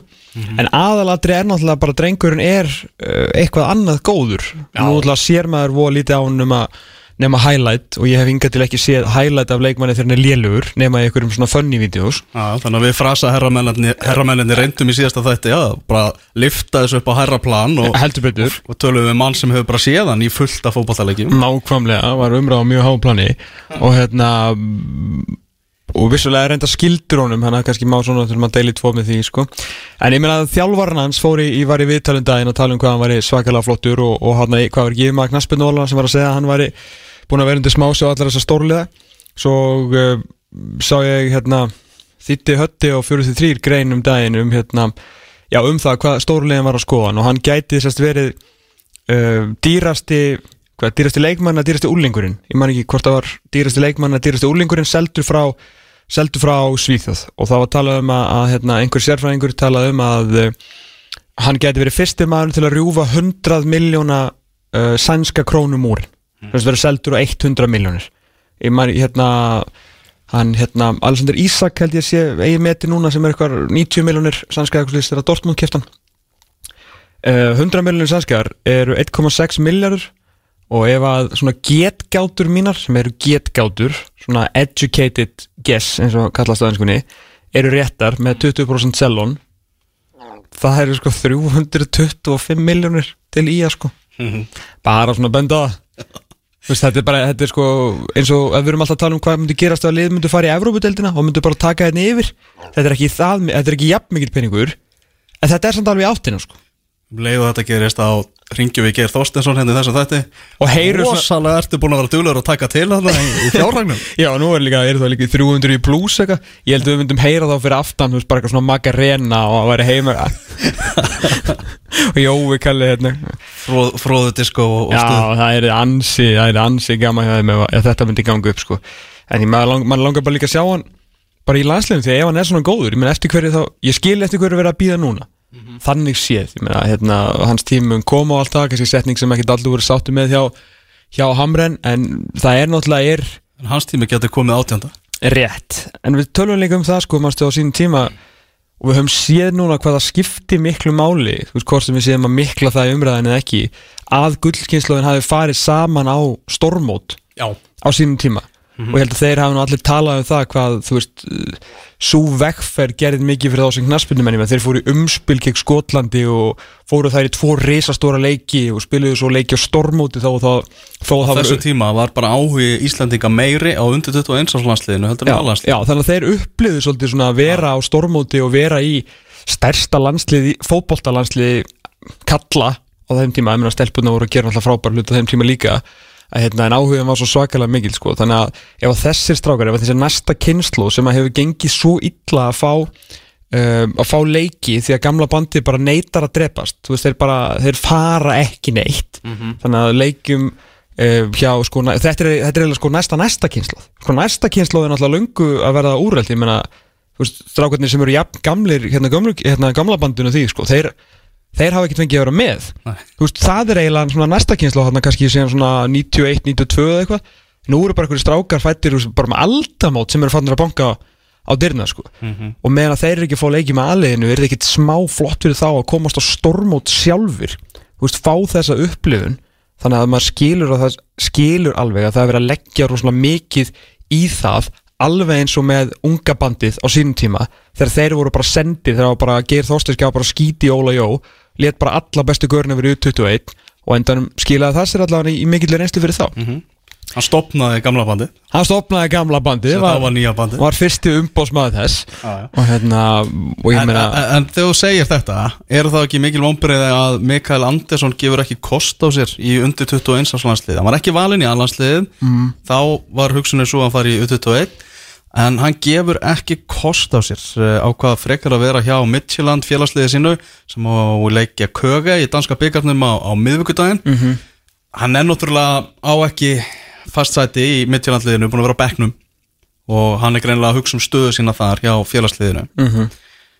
en sko, þetta, er ekki, þetta er ekki fyrstu leikir í mótinu og þetta er ekki leikir upp á ekki neitt nei, nei. þetta eru leikir sem geta komið í íslenska undir 21 og landsliðinu á stormót og uh, maður ætla að passa sér sérstaklega um að tala um, um, um unga menn uh, en á þess að ég maður veit náttúrulega ekkert fórsendunar að þetta sko fyrir okkur sem eru bara að horfa á þetta og bara íslensku þjóðina sem að langa náttúrulega að geta spilað á Holy Moly sem sterkastu liði með 21 og, og hérna í þessum leikjum þá lítur þetta náttúrulega bara út fyrir það að það lítur út fyrir undirstryka ég eins og hann sé bara í ykkur fílu hafi ekki verið valin í alhansliðið og hann ætli frekar að, að hérna, sína sig í þessum byggarleik fyrir Midtjylland til að svona la, reyna að rétta af fyrirlin sem þar heldur hann að hjálpa Íslandi og 21 Hann- hann- Hugur, Við- hugur hans er kannski þannig bara að hann sé orðin aðlandsleismæður, hann er komið sjö aðlandsleiki Já, já, en, en ga- gamla bandi var líka með fullt af alansleikjum til að þeir voru sendinir í 21 á sín tíma til þess að koma sér á, á stormót sko.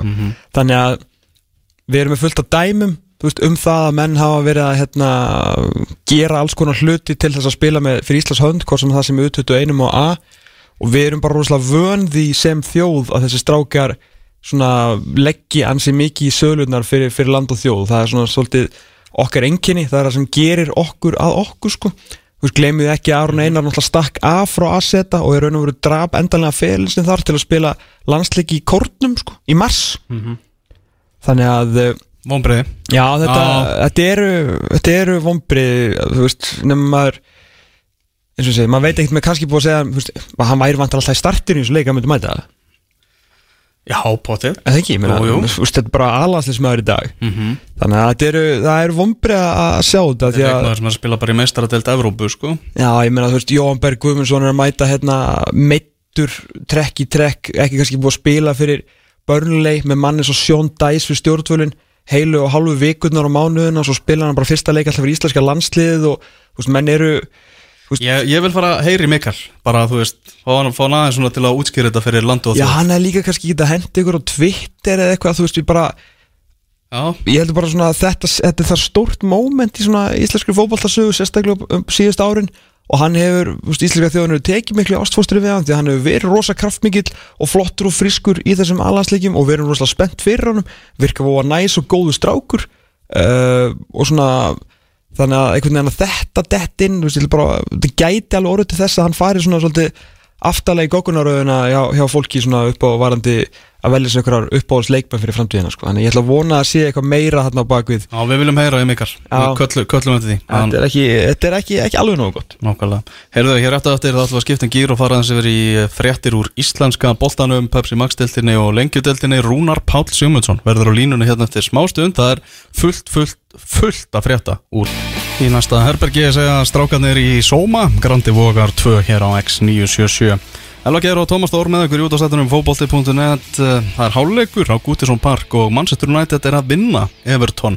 Það er Everton 1, Manchester United 2, Everton komst yfir í, í leiknum. Já, Bernard uh, fekk boltan eftir uh, rosalega vondan eða vonda sendingu, David G. undir mikilvæg pressu eftir vonda sendingu frá uh, Viktor Lindelöf og hann sendi boltan beint á Bernard og síðan reyndi Viktor Lindelöf að verjast en hann er jú eitt versti varnamæður í heiminum og uh, Aron Van Bissaka glemdi sér líka, ekki svo sem í fyrsta sinn.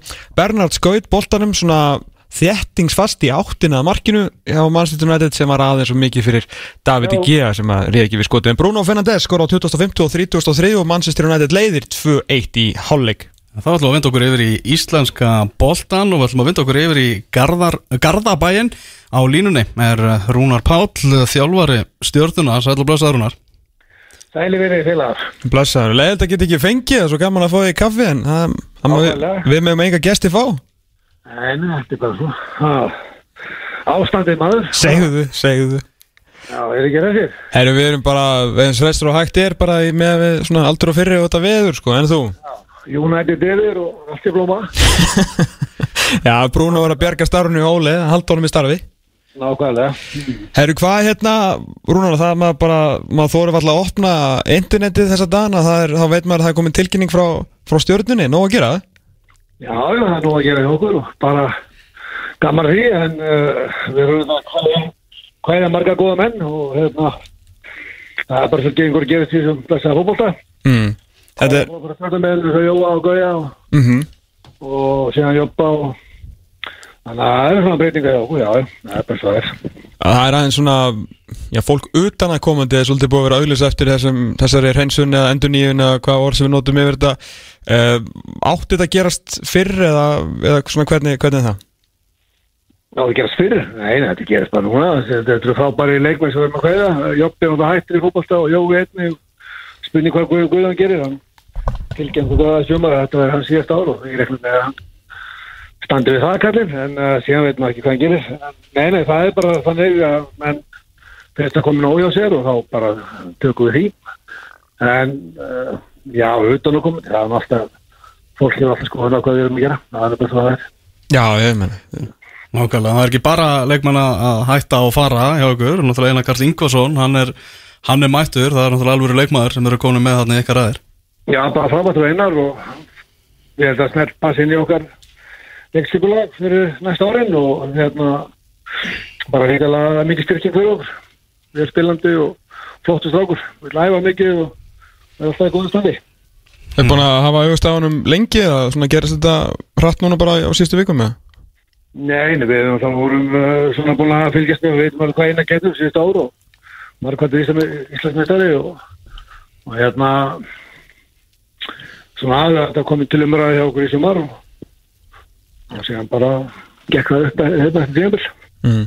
En við sá þú kannski aftur aðeins að þessu leikmennu sem er- þeir eru að kveðja það er rosalega Það er rosalega mikið hjarta að fara þarna úr liðinu og þú hefur nú mikið talað um þetta og þið gerbaðingar að þetta, þetta skiptir ykkur, ykkur máli þannig að þáttu séu bæði ágætis fótballtamenn þá er, já, hvað var að segja, já, það er bara það er mikið hjarta og mikið svona, mikið passan fyrir félaginu að, að kveðja. Já, gríðarlega mikið og, og mikil eftirsjá Já, þess að þess að með þess að stráka. Það er miklu stjórnumenn og stjórnuhjarta og hérna Silverskeiðin elskar þess að stráka. Og þannig að það er, það er mikið eftirsjá með og það er mikið liðsmenn og gríðarlega karakter og sterkir, inn í klefunum og hérna það er bara að taka aðri við því og, og hérna verður standið til því að taka við kerfinu. En uh, þessi strákar skilur frábæri starfi fyrir félagi og það verður þöknuður aðeins Mm Jói sagði nú reyndar eiginlega bara nánast í sinni tilkynningu að hann var eiginlega komin bara í silfuskeiðina í staðinn þannig að þeir missa hann ekkert. Þannig að það er bara svo það er. Það er ótrúlegur námingi og það verður frábært fyrir Silvestíðan að fá hann inn. En vondi getur við líka nýtt að lóa í einhverju hlutur en en við sjáum hvernig það fyrir mm. Er þetta þarna er vona á einhverju, fleiri tilkynningu frá okkur varðandi svona þessa endur nýjun í hópnum? Er einhverju fleiri sem getur horfið á braut við erum bara að vinna í okkar málum og það kemur þá bara við að það er að kemur tilgengur um það. Við getum ekki sagt neitt meira um það. Eru svo náttúrulega síðan stærstu fréttinnar uh, eins ás samstærið þínu og, og, og Óla Jó lokið, hvað hérna? Já, bara frábært ára baki. Við, það stókast fyrir mig að það kynst Ólafi og séu sjálfast að þjóla á Íslandi og, og bara frábært manni sem hann hefur að gema mm. Við áttum frábært ár saman og hann, hann hérna, bara fannst þetta að vera komið gott hjá sér og tók það ákvörðin og það er bara eins og það er sem gengur að gerast í þessum blessaða fótbolta. Menn hafa nú frálst val um það hvernig menn vilja eh, hvað ákvörðin minn taka þannig að það er bara eins og það er. Við áttum mjög góð starf og, og, og hérna náðum bara fínum árangri með hvernig þetta tímum spilaðist og, og hérna ég hverja góða mann og, hvað sem hann tekur sér fyrir hendur. Mm. Var ekki, kom ekki til umræða um að, um að halda þessu áfram fyrst að þetta var svona frábært Jú, jú, menna hann tekur bara ákvörðinu það að, hérna vilja hætta og hérna og slaka þess á og hann að hætta eftir tíða síðast tíðanbíl og ég, og hérna ég náði hann að samfæla með það að koma til okkar og það er bara, veist, hann fannst bara verið komið tími að fara að slaka á og gera eitthvað annað mm. og hérna, ég fyrir sér að ræða við hann bara um framhaldi hvað við alltaf alltaf sér að gera í grundinni en frábæð þjálfari. Þú veit Hann að snýr, snýr aftur það Já, er við svona- höfum engar ágjör af því sko. Eru næsta tímabil verður hvað, sjöunda eða áttunda tímabilið uh, hjá hérna hjá, hjá stjórnunni eftir að þú mættir hann inn með, með látum á sín tíma og þú verður þátt í hvað? Sjöunda, áttunda sinna að finna það nýjan aðstofa þjálfara. Þetta er, það er, það er svolítið selst í þína menn. Ná, það reyndar einn að fara núna en þetta er alltaf sama sagan einhvern veginn. Já, já, búið að vera það síðan þrjú ár. Já, það var svo að ég og Brynja Björn saman í fjórar. Mm. þannig að þetta þá það var Björn þjálfurinn á stórum það var nú bara eðlilegt er. Eh, þegar maður búin lengi starfi þá fara líka endur nýja 8 tíum en, en ég hef alveg verið til að vinna með Óla þetta eins og við lögum upp með tjóður en það er bara svo það er. Eh, nei, nei, það er bara Ertu með manni í huga? við erum bara að vinna í okkar málum og ég get ekki gefið þetta út þessu tíma Nei, en þú ert með fulla, fulla símaskar á eftir aðstæð þjálfara leitt utanfarn ára. Já, þetta er svo lítið skemmi Óla þannig að við erum bara rólegir og við böndum valið Já, hvað hérna tímambilið, Rúnar, það hérna var ekki það var ekki 22 leikir í ár. Kannski rétt aðeins að byrja, hvar, hvar stendur þú í, hérna, í þessu slaufa eða ekki slaufa dæmi, hversu sáttur eða Við vorum bara hrekar að gýra að halda þessu móti áfram. Mm. Þetta var að koma með stopp og vorum bara hrekar að gýra í að klára þetta mót með stæl mm. en ég alltaf bara ráði við ekkert við framaldið af því. Nei, en við þetta vilja þetta klára þetta Íslandsmót og menn lifa fyrir þetta og passa fyrir að spila hópalt og uh, og hérna umtúlt að ná ekki klára það. Nákvæmlega, þið lendir náttúrulega eins og myndist á áðan í ýmsum hrakförum hérna á, á þessu, þessu tímabili. Klárið þetta samt með Evrópu sæti og þú, þú komst nú hérna til okkar í, í kaffi og talar náttúrulega um að hversu mikilvægt það væri fyrir félagið stjórnuna að, að stjarnan sé í Evrópu. Já, já, það sjálfsögðu, við erum búin að vera á síðan 8 árum í 6 í Örnumketti og það er nú ákveð sárangum á ísleikum mannum og hérna það er bara gríðlega mikið vett bara upp á peningaflæði og annað slíkt og líka bara motivation fyrir leikmenn og taka þátt í það að spila í Európa Mm. Við erum við það líf sem við náðu kannski bestum árangur í kemni stóðun ár. Og hérna og það er bara gaman að taka þátt því. Og það er það er hérna liftur þessu upp. Þannig að við semst, lökum ekki til að að taka þátt því ári. Mm. Nei, nei, bara tímabilið var svona eitthvað niður. Það krefindi fyrir alla leikmenn og sem standa að þessu og forráðmenn og áhörundur og, og þjálfara að standa í svona tímabilið sem er svona byrja að stoppa, byrja að stoppa og það er bara þetta einstakt og vandi fóðu ekki svona aftur. Nei, Jú, við gerðum ágætlega. Við hefum alveg sem við viljum svo betur spilamennsku. Aftur á móti náðu þessum árangur með 17 leiki spila að vera með 30 stegu jæmt og ræðarleik í þessu í þessu en það er leik á þá og þá getur við farið upp fyrir það með Sigur og Káir hefur hefur fengið þann leik Eh, þannig að þá hefur þetta verið ágættis árangur við fáum okkur 20 mörg og 6 á móti Káir þannig að við spilum okkur til svarnan 6 á móti valsi Mhm. þannig að við erum svona við náðum bara að vera að bá undir eða svona eitt marka meðal í leik á okkur og skora tvöðum sem við gerðum þetta þjábili þá hefur verið í góðum málum Já, en hérna aftur móti skorum við ekki aðalega mörg mörg nei, hvað hva, hva gerist það? Það er bara breyttu leik, leikstíl hafum átt á einhverju í að séð, liðið spila undir ár og séð liðið spila núna. Mm það er svo verið séð, við erum ekki með þennan- þessa hávaksna tíu í Baldri og Guðmundistein sem Mhm. hefur verið allt undir þörnur og er ekki eins dýrekt og það Nei, það sem er svona er. Og þegar ég tala um dýrekt þá er ekki endur að tala um langabólla fram sko. Með bara benskettir? Það er bara benskittir og voru það ekki eins og ég hef viljað í ár. Nei, og hérna það er bara svo er og erum við, að- erum við að fá sjá stjórnuna aftur í, í svona Já, bara boltanum 2019 boltanum á, reyða Svona fara aftur í þið þekkið? Ég hef bara spila góða fótbolta, góða mörg og gleðum okkar áhundur og ná Mm. árangri þetta býstu það. Já, þið fyrir að fara niður um ykkur 15 mörg sko á saman tíma og þeir reynda að taka í vartanleikin virkilega vel í gegn. Já, ég reynda, að eiga alveg fimm leiki eftir sko, fimm, fimm leiki hana inni til að skora. Vissulega það er nú alveg það er Nei, nei, jú, jú, við hérna, vorum á fínu róli það- hérna í sömar með markaskólum og fáið okkur mark. En uh, síðan hérna dastul dappur úr þessu. Hasnir, bæði á móti liðum sem vorum ekki að réttiflega þetta Mhm. vorum ekki nú að beinskettur á síðasta þriðum og það sýnir sína sér það sem er líka í leikskíslunum það sést í væskattskíslunum Já, aftur á móti erum við að halda pósísum innan liðs, erum við bara nummið tvö uh, í deildinni, þannig að það enn og aftur að, að halda af haldi bolta og það vinnur ekkert endilega leiki. Nei, svo sannarlega ekki eins og líka sjá bara í, í, í Evrópaboltanum sko. Nákvæmlega og talandi um XG, það vinnur ekki heldur leiki. Eins og þú vilt oft vera að ræðum XG-lið sem leikta kannski tíundasetti og rosa góður mm, Nákvæmlega, það er bara menn að sína sína hvernig þeir vilja spila fótbolta hvort þannig að vera effektífur eða fallegur. Það er bara svo les mm. hvað er fallið fótboll? Það má líka skilgjörna það Já, algjörlega, algjörlega Það er menn að hérna skilgjörna því að þú er fallið fótboll og tapar sem leik Nei, nákvæmlega, ég menna við Íslenska landslið hefur ekki spilað fallega fótbolta undan farin 6 ár en við gleðast yfir úslandunum En það vilja allir spila fall, fallega fótbolta. skilur, Það vilja allir spila áraugum sín og. Það er nú, það er nú það það er út á það að er það er. Mm. Algjörlega, algjörlega Og hvað, og hvað mannskapur er að það. Mm Og hvað, hvað eiginleika mannskapur hefur.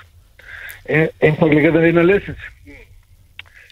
Það er bara svo það, um það snýst það, blessa, ofan það. Nákvæmlega, það er bara á endanum vera úslitinu og stegasöfnum sem að skila þér einhverju sko Já.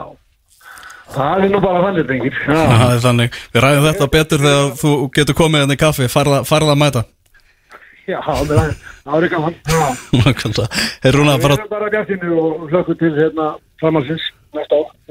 Mm. algjörlega. Herðu bara gangið þið vel í, í, í þessari endurníun á, á liðinu? Takk kæra fyrir það. Takk, heyrumst Rúnar. Bye bye Bye. Bye. Það held ég, Rúnar Páll, eh, þjálfari stjörnur hérna á, á línunni, já, búið að vera mikið tilkynningum úr, úr eh, Garða bænum á uh, undanfjörðu dögum, Guðjón, Guðjón Baldursson, Jósef Kristinn og Jóhann Lagstall, þeir eru allir hortnir á braut, spurning hvað Gauði Bald fyrir, að- fyrir að gera, sögursaknir um KR, Já, var Rúnir að segja að hann hefði hann að sagt að þetta var hann síðast ári í fótbolta? Nei, hann sagði það ekki, Ok, Me, með Gauða? já. Nei, nei, hann sagði spurning hvað hann gerir, skilur, Já, já, já, ok. Hann sagði að leta að vita þetta er hann síðast ár þá með stjörnunni í sumar. Já, náttúrulega Jósef og Jóhann Lagstall eru bara hættir, sko. Þeir eru hættir, já. Já. En eins og er, já, ég var búin að heyra það, hérna, heyra það bara um mitt sumar að, að Gauði Bald myndi fara í K.R. fyrir næsta tímabil. Já, ég er það bara með einhverju þremmu ykkur síðan eitthvað sko Veit ekki hvort að, hvað, hvað verður séðan úr því, en það er allavega þokkaleg endurníu núna í gangi hjá, hjá stjórnunni, þannig að það er svolítið nýtt verkefni sem að Rúna Páll er í, Páll er í akkurat, akkurat núna. Já, en þeir eru alltaf að losna þarna við, við menn á launaskrá þannig að losnar sem sagt eh, losnar um eitthvað, eitthvað budget þannig að þeir eru ekkert hættir á, á leikmannamarkaðanum þeir eru alltaf verið alveg sko svakalega flottur í að finna sér leikmenn bara síðustu, síðustu árin og oft bara svona Já, og Rúnar veit bara nákvæmlega hvernig leikmenn hann vil fá. já og svo náttúrulega fór heldur ekkert á milli mála í, í, í þess að við varum að tala um, um hérna, beinskittan leikstil liðsins að, að þeir voru ekki að gera það í sumar og mannstæður Arnar Hallsson mætti hérna og sagði að hvernig orðaði þetta með, með Óla og Rúnar? Ráðandi og víkjandi. Já, Já, það fór ekkert um milli mála sem Rúna var að segja og bara lesa þarna á milli línana Óli fekk reynilega að ráða meir í leikstílum og Rúna var ekkert sérstaklega kátum með það Mm. menn hann sagði að bara fór, sagði allt nema bara það að var að tala um, um leikstílinu var ekki með þessa hávöksnu framherja og var að, var að spila boltanum meira og svona en það var ekki að, að skila jafn mörgum mörgum og þeir eru allan að vanið því að, vanið því að að mm. ég reyndi að ringja í Óla Jó í, gær, mm, Sk skildi eftir nokkur mist kól hjá hann, ég bjóst það ekkert við ég að myndi svara, en, Nei, nei. en það var bara svona, veist, skorur ekkert nema að skjóti, en hann, það er svona sögur um það að hann hafi bara svona, honum fannst þetta ekki ganga, þú veist, alveg 100%, þeir eru náttúrulega tveir svona stórir turnar að stýra liðinu, Já. en, en og virkar eins og með þess að Rúna var að segja að ekki sérstaklega sammála um hvernig þeir ætta, að spila fótboltan og þá náttúrulega gengur þetta ekki til lengdar með hvað þeir eru. Óli Jó er náttúrulega bara sigurvegar Íslands á, á þessari öld basically og Rúna Páll er bara kongurinn í Garabænum sko. Já, já, þetta er bara skilja í góðu og, og þetta tímabil endaði vel, endaði fínt Já, það, já, það endaði bara eins og vel og, vel og hægt var, ég með það að vera að spá þeim 15-17 15-17 sæti. Þeir voru náttúrulega uh, sem betur fer því ekki var, var fótboltinn svona sérstaklega var ekki mikið svona glæsi bragur á, á honum, hann var ekki alveg sama rock og og, vanalega. Og hérna og, og það sem að þeirra sem sagt þegar er hendar þá náttúrulega má tala um XG og þegar það hendar ekki þá má ekki tala um XG eins og þessi fínu skotarni og rúnari voru að hérna XG er svo bara stórskemmtilegur umræðapunkt er frábæru bara punktur Já, sko og hérna um, og það, það sem alltaf hefur vantilega sviðið hjá Rúnari á þessu tímbili náttúrulega að þeir eru fallbaróttu lið með hvað ef og hefði en raunveruleikin náttúrulega eru Evrubulið skilur, og það er náttúrulega raunveruleikin sem skiptir máli á endanum sko. Uh, og, og rúmlega það. Þannig að hérna uh, ef að þeir hefðu ekki lagað þennan varnarleik svona svakalega að þá hefðu þeir vantilega bara verið á mjög svipum stáð að vera að spáðum sko. Þannig að svona að þvíli þá kannski gati enginn séð það fyrirfram að þeir myndu bara þú veist, fengu á sig 30 og eitthvað mörg á síðustu leiktið, sko hátt í 40 mörg en þeir voru þegar mótunum var slúta þá voru þeir með 20 mörg á sig og eins og segir þá lenda þeir í, í þokkunum skellum hann gegn valsmönum og ef við fáum að taka þá út fyrir svega að uh, þá er þeir bara með eitt besta varnarleikin í, í deildinni eða samhliða, samhliða valsmönunum sko. þannig að þeir gerðu vel þar þjálfur saman, saman en svona uppspil og spilamennskjánu greinlega Það sem lítur út fyrir smá átök þessar að tveggja turna sem voru að þjálfa þetta lið voru ekki alveg að skila nóg, allan ekki nóg mikið af mörgum. En rúnar áfram, tiltættin hafinn, eru í Európu þannig að það er smá penningur um milli handana, menn að losna af launaskrá þannig að það er að vera búið til smá andrým til að fá fleiri leikmenn. Þeir eru með mikið púl, þeir eru mikið attraksjón, þú veist það hefur alltaf verið gaman að spila í garðabænum, leikmenn hafa komið þarna, þeir hafa fengið eins og ég sagði flotta bita í gegnum tíðina, ég meina Jobbi var nú, þú veist, há flottu bita landa á sínum tíma, uh, hverjir Holbert koma þarna, þú veist það er fullt að, þú veist að dúka alltaf upp geggjaði leikmenn og alltaf sama myndin og stúkunni í garðabænum sko. Og maður svona, ah ok, vel gert, menn þeir fengu nú hérna Baldur Sig, sín tíma þegar hann var að koma heim. Já, nákvæmlega. Þannig að hérna, ég, ég er svona Ég væri svolítið bara svona peppar að ég væri stjórnumæri það sko. Já, þetta er svona, þetta er spennandi vetur framöndan hjá Já, ekki spurning sko, ekki, ekki nokkur spurning. Og svo náttúrulega, þú veist, þú erum búin að tala um það Það er til fullt af efni við þannig í Garðabænum. Já, það er alltaf að nota betur sko. Já, já, nú, nú opnast gluggarnir fyrir það Sannlega, sko. Já, en eins og segja, opnast líka gluggarnir fyrir að fá inn reyndari leikmenn sko Þannig að kannski verða þeir aftur settir í settir í, í skörðin sem hafa verið, hafa verið hókin En það er alltaf heldur betur til efni við hann mm Nó að frétta í íslenska boltanum í þessari viku. Við skulum líta svona á helstu fréttinnar og byrjum bara á reysa reysa tíðandunum í gær F.A.ingar Eður Smári Guðjónsson aðal þjálfari F.A. Já, ráðin í, í það starf, hvað gerum við ekki þryggjára samning? Hvað var það? tveggja eða þryggja Þryggja að þryggja Ég alltaf samt ég er svona samfærum það eftir spjall okkar um daginn að Eður verður farin út fyrir að varir sko Já, ég held að ef hann heldur áfram að vinna fótballtaríki Mhm. að þá mun hann ekki klára þrjú ár Ef FO það verður ekki vegna þess að hann verður ekki Nei, það er algjörlega þannig að uh, hann er ég veit ekki hvort að fólk þú veist, ég held að fólk haldi að átti sig á stærð nafnsins en ég held að gerir sér enga grein fyrir því sko. mm Sko eftir að þetta meistarflóksráð tók við þarna fór að, að, að vinna bak við tjöldin í kriganum Mhm. þá hefur bara rúsalega mikið jákvæmt einhvern veginn verið í gangi Mér líst, þetta eru öflugt ráð þeir eru rosaflótir það, Já. verður- það verður bara að gefa hann það þetta geti verið stjórn ársins í, á áramóta kefinu, í loka árs sko. mm -hmm. því að uh, þeir hérna þeir fari í, í, tiltættarna lagaðist til í, í fjármálunum þeir uh, svona, það er mikið, mikið svona fótbolta breintröst komið aðna, svona fótbolta þengjandi menn sem að er, að- er að stýra þessu sem að kunna þetta og veit þetta og það er líka svona ákveðið svona ruthlessness svona bara svona þú veist það er bara F á og annars skiptir ekki máli hjá þessum, hjá þessum gæðum sko. Hjá Jón Elling og, og Bjarna og svo þó að þú veist, náttúrulega menn haldið þess ekki annað því að hann var í sjónvarpinu en, en Davíð líka sem er náttúrulega núna Aðstoðarþjálfari. aðstofþjóður líka Stígur sem fyrstu skref í þjálfun. Já, já, og svo náttúrulega einn yfirmagur knarspunni sviðs svona sem að ég held að ringi nú einhver símtölun og hjálpi sínum önum sko, en það er bara, þú veist, fínt, þú veist, þeir eru bara með rosalega flott breintröst í kringum þetta félag núna. Uh, taka það nei, því menn það er alveg á hann ráðin sem aðstofþjálfari en hann stýrði svona svolítið öllu og menna Logi var svona ábyrðar, hann var reittstjórin skilur við, hann bara ábyrð á því sem að, sem að gerist en, Logi, en Eiður svona varð mjög fljótt uh, ríkjandi í að setja upp æfingar og, og fór svona að fíla þetta. Halda Loga í svona ráðgjafluturki eða svona sem, sem þriðji þjálfari uh, lögi út þannig að þeir eru svona aðeins að reyna að hrist upp í hlutunum sko og fá náttúrulega Davíð Þórein sem að veist, ma maður sér hann eiginlega bara sem einhvern nýjan heimi Guðjónsson sko. Ég einhvern veginn býð bara eftir að Davíð verið mættur á hlýðleina sjálfur ef að Eður fer til þú veist til Klub Brugge eða eitthvað að þjálfa og, og, og Davíð fara bara að taki yfir þetta mót. Ég einhvern veginn þú veist hann með þannig svona svipaður skilur þannig séð og, og heimir í þessu. Já, og svo náttúrulega bara taka það mikið til í fjármálunum að þeir uh, ná að landa ekkert Gunnþóri. Já.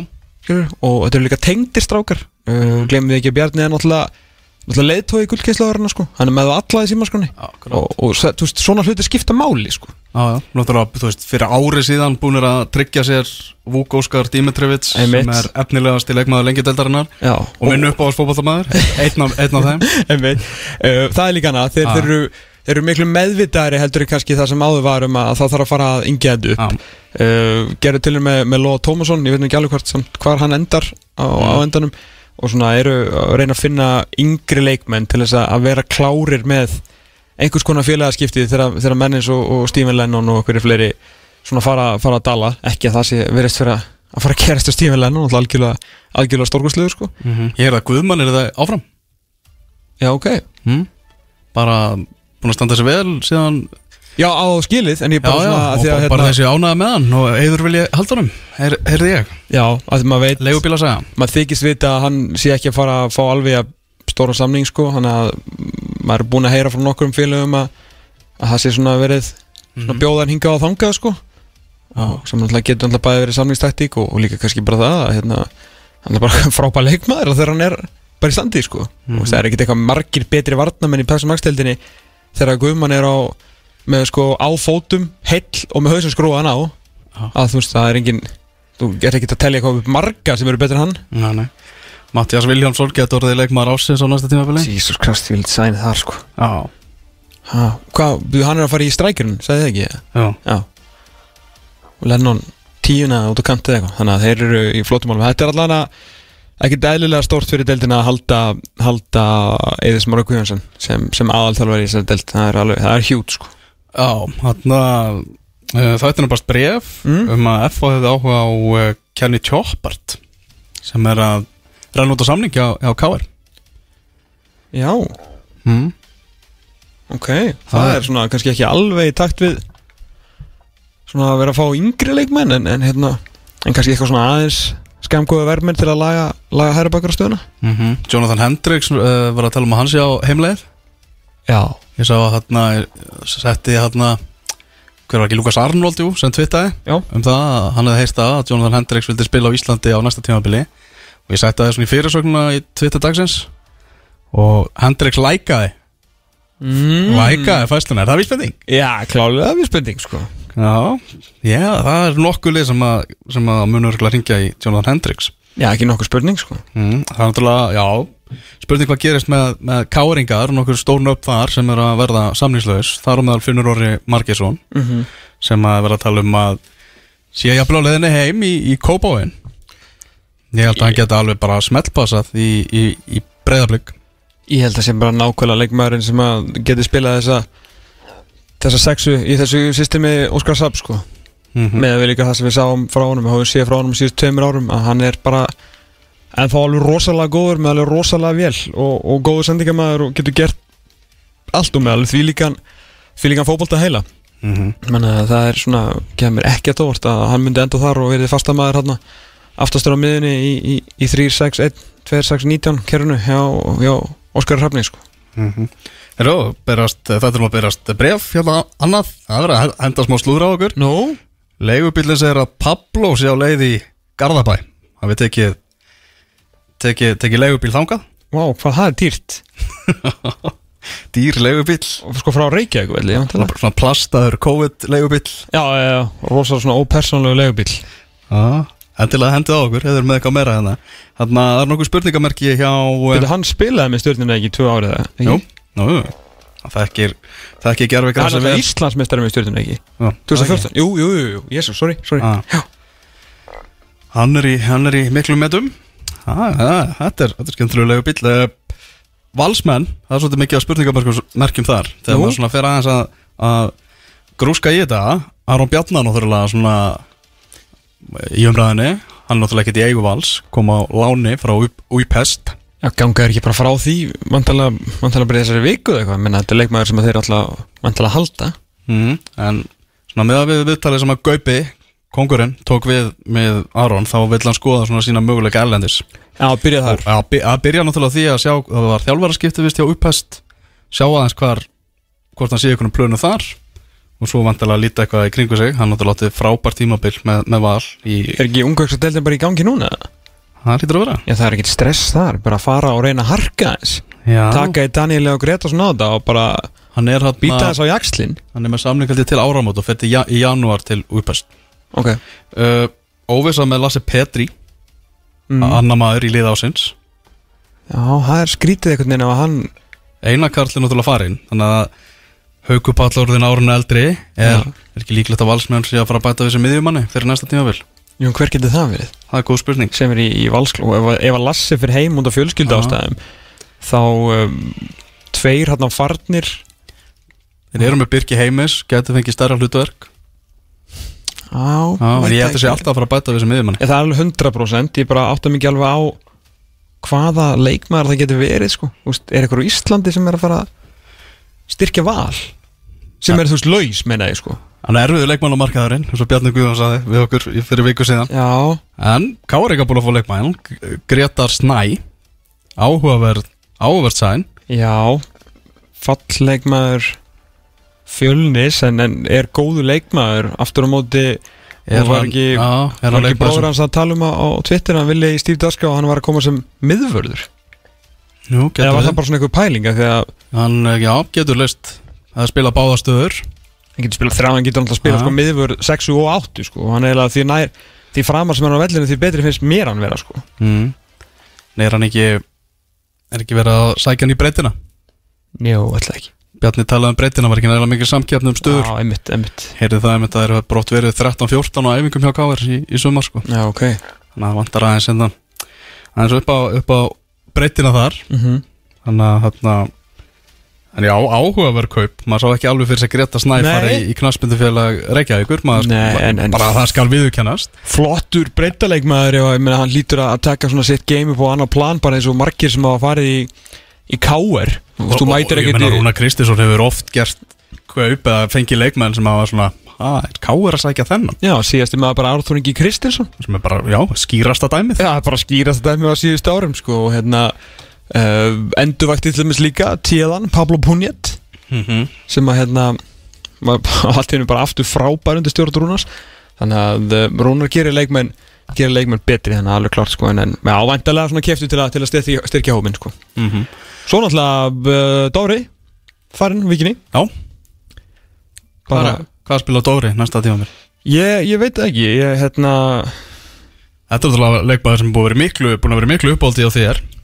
Já, ég meina, ég, ég elska Dóra Snorrason, það er ekkert sérstaklega flókið, hann kemur inn í vikisliðið Það er bara ásta samband það er Já, já, ég meina við höfum gegnum tíðina eins og við segir í læginu fengið mikla Marcel aðstóð frá knastbundumfélagi Reykjavíkur sem var sendt okkur haug af leikmönnum, margir hverjir. Já, þú veist, sendt, við höfum náttúrulega líka bjargað ferlinum hjá mörgum leikmannakáur uh, og hérna og gert á að, að súpustjörnum og stundum hafa síðan snúið aftur heim og orðið ennþá stærri stjörnur, skýrast að dæmið það er þegar Siggi Jóns uh, tindu upp uh, hávaksinn en brotin Gretar Sigfinn Sigurðarsson og, og gerði hann ennum bestu meðverði áratugurins í Ísleiku fótbolta um, Höskuldur Eiríksson er dáðasti fyrirli hérna, félagsins og Arðan Jó Sigurðsson og, og fleiri sem hafa komið hana en, en svona ég er ekki frá því að reynda svona í setni tíð þá hafa þeir verið að taka leikmi frá okkur sko.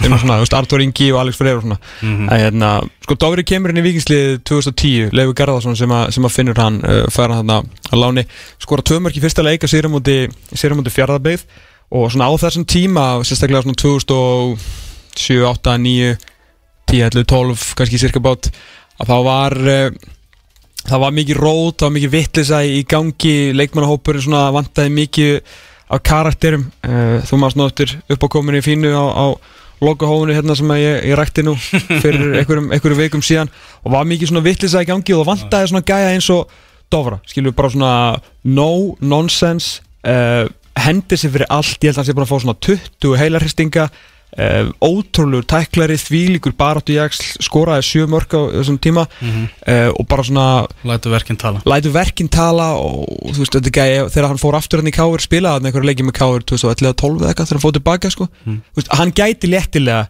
ef Káringan hefur bara, þú verður bara einni hæri bakurinn hjá okkur. Þú veist, þá væri hann með þrjá Íslandsmeistaratitla og fjóra byggameistaratitla, skilu, þeir hefðu ekki orðið neitt slakari með Dóra Snorrason í hæri bakurinn mm. ekki, en til á lukku koma til okkar uh, bara einn af okkar dagurstu sonum á þessum áratug og bara vegni honum vel. Og ég kemur mig verulega óvart ef maður sem að þekkir hans leiðtóa hæfileika uh, myndi ekki taka hann og kemur ekkit óvart að hann verði spila innan hús á næsta, næsta semri Spilar innanhús Í eftir dild Já, ég eftir dild Já, hann er alltaf, hann er 30 sko. Það er engar ágjur af því sko. Herðu, Palli Gísla, Rekin frá Þór Akureyri Rekin? Já. Já, Já, þú veist, ég ætla að Það er bara þannig. Ég, hérna, held að hann bara myndi reyka sjálfa sig ef að, ef að Nei, hann fekk vist bara þau skilabóð að uh, Þósar er alltaf að finna þjálfara í fullt starf og honum var bara þakkað fyrir samstarfið. Og bauðst honum það ekki? Já, hann alltaf kannski vill bara þá fram að ég held ekki. Nei, Ég held að það hafi ekki verið rætt við hann um að Og er hann áfram bara út í hamri að sjá um húsið það? Ég veit það, ég með þetta er nýskeið Þannig að ég veit ekki hvað. Hann, hann kvatti vist leikmann sína Sendið sendið um einhvern einhvern, einhvern pistil og sagði sem bara veist, þakkaði þeim kjærlega fyrir og hafði full að trúa því að þeir voru að fara að gera góða hluti og sagði svona er þetta bara, ég mér var tilkynnt þetta. Að, Byrju, og, og kongurinn, maðurinn sem er réðan, er hann ekki hættur að fara líka? Óðinn, jú, það eru formanskiptið á allur pakkin sko.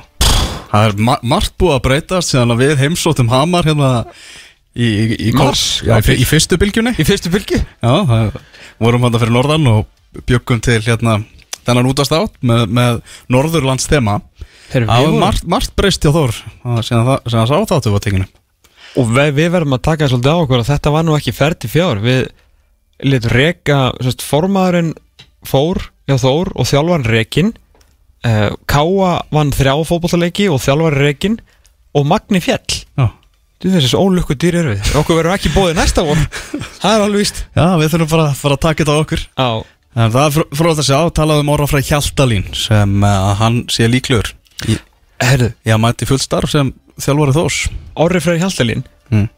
Hann, hérna Veistu hver er Orri Freyr Hjaltalín? Premier League?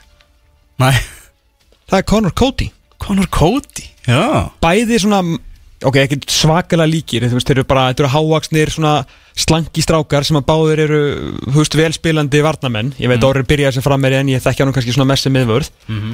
Og þú mannst að Orri kom alltaf í vitul Alltaf. Já. Manstu að grindaði gati ekki neitt Og alltaf mætti hann eitthvað ótrúlega kurtis og flottur sko. Mhm. Conor Cody, þegar náttúrulega eru bara Portugalar í volsliðinu að sama hvort þið vinna að tapa og hann er líka svo ógeðslega góður í vitulum hann er í vital ykkur um einasta leik talsmaður leysins Já, og þó að sko Daniel Potens myndi skora fimmu þá verið samt í vitalu Conor Cody sko. Þannig að ég byrja að kalla hann orra fyrir hjaltalinn per með lík sko. Já, mér líst til að það. Herðu, leið ásins og bestu menn í lengjudeldinu 2020 Þetta var opinberað á fótbolta.net síðdeis í gær. Já, leiðilegtið skildur hann ekki að láta Gaupa taka þetta upp á síman eða eitthvað. Já, það sem hann er alltaf kynir á hófunu hann kynir þetta venjulega En nú eru bara aðrir tímar. Uh, Joey Gibbs sem átti stórkostlegt sumar hjá Keflavík Hann er bestileikmaður lengjudeldarinn í sumar. Vúk, Óskar Dimitrevits Serfneska Blómið er efnilegasti leikmaður lengjudeldarinnar nýjastu leikmaður ja, á leiðin í FH Já, þjálfari ásins er Siggi Höskulds, Sigur Heiðar Höskuldsson sem hefur unnið magnastarfi í breiðholtinu. Uh, Leið ásins, það er Gís Mitt í leikni Hollendingurinn í markinu Sindri Þór Guðmundsson í Keflavík er, og Rúnar Þór Sigurgjesson samherji hans eru bakverðinir Nacho Herras í Keflavík í hjarta varnarnar á samt Bjarka aðalsteinsinni. Á miðjunni Nacho Gil hinn ungi og stórskjandrið leikmaður Davísnær Jóhansson Nacho annar í röð. Nacho annar röð. En já, Davís Nær, það er leikmaður sem er virkilega skemmtilegt að fylgjast með í, í Pepsi Max deltin á næsta tímabili. Uh, Fred í, í fram Sævar Alli og Vúk leiknismenn og svo Joey Gibbs í fremstu viglínu. Þetta er lið ásins í lengjudeltinni 2020 getið skoða þetta betur inn á .net. Já, við hefum að skeiða maður aðeins meiri tíma og getið alveg útskýrt svona, getur maður aðeins útskýrt að það sést alltaf á úrvalsliðinu hversu sterk deildin var. Mm -hmm. Þannig að maður stuði hérna þegar Keflavík og, og fylgir fóru upp að það voru bara basically leikmenn úr þeim tveimur liðum í, í því liðinu sko og svo sá maður alltaf liði á síðustu leikti og maður svona ú, bop, bop, bop, þú veist, þá var svona, þá var maður að hugsa hvaða leikmenn úr liðum sem eru ekki að fara upp eru í úrvalsliðinu sem eru þá mögulegir bitar fyrir Pepsi Max deildaliðin við rættum með með dummynda hérna síðasta haust og þá sáum við hvað deildin var svona svona slög en þetta, þetta er svo alveg listi sko. Þetta er ógeðslega stert Já, en vissulega, vissulega margir leik, hvað eru margir leikmenn úr, keflaug og leikni? Fimm, sex? Fjóru úr, já þess að fjóru úr leikni, fjóru úr fram og svo vilja rest úr keflæk Já, eru fjóru fram? Nacho Gil náttúrulega úr vestra. Já, já, já, einmitt. Þannig að hérna, þetta er stertlið, þetta er stertlið og þetta er bara hæfileikar þarna. Já. Ég var að heyra Nacho Gil var á leiðinni í keflæk einmitt. Já? Já, það er önnur leigubil að segja. Heyrðu það, við ætlum að fara að kveðja. Manchester United er ennþá að vinna Everton 1-2 þar eftir 68 mínútur. En að vanda, þá er það Tómas Þór sem á loka orðin Herðu, uh, ég er að fara í Crystal Palace Leeds núna eftir uh, réttum hann hálftíma heima með Elvis í kvöld. Vestan Fulham, bara áttu austurs og vesturs Chelsea klukkan 5 mannstu sitt í Liverpool á morgun uppbytun og umfyllun ég og Eður Smári pluss Pablo Zabaleda spurning og pottið aðeins út í Diego Armando Maradona. Fáum smá argentinska vingil á það. Herru, að vera frábært að vera með ykkur í dag. Við vorum með Rúnar Pál á línunni eh, sem var að skjóta á kallinn, við fengum eh, lesendabref frá svektum manni í Hafnafyrði eh, og allur Hafnafjörðin er búin að læka við herrum í Bjössa Freyðas og landslýsmarkurunum Hannesi Þór Halldór sinni verðum við aftur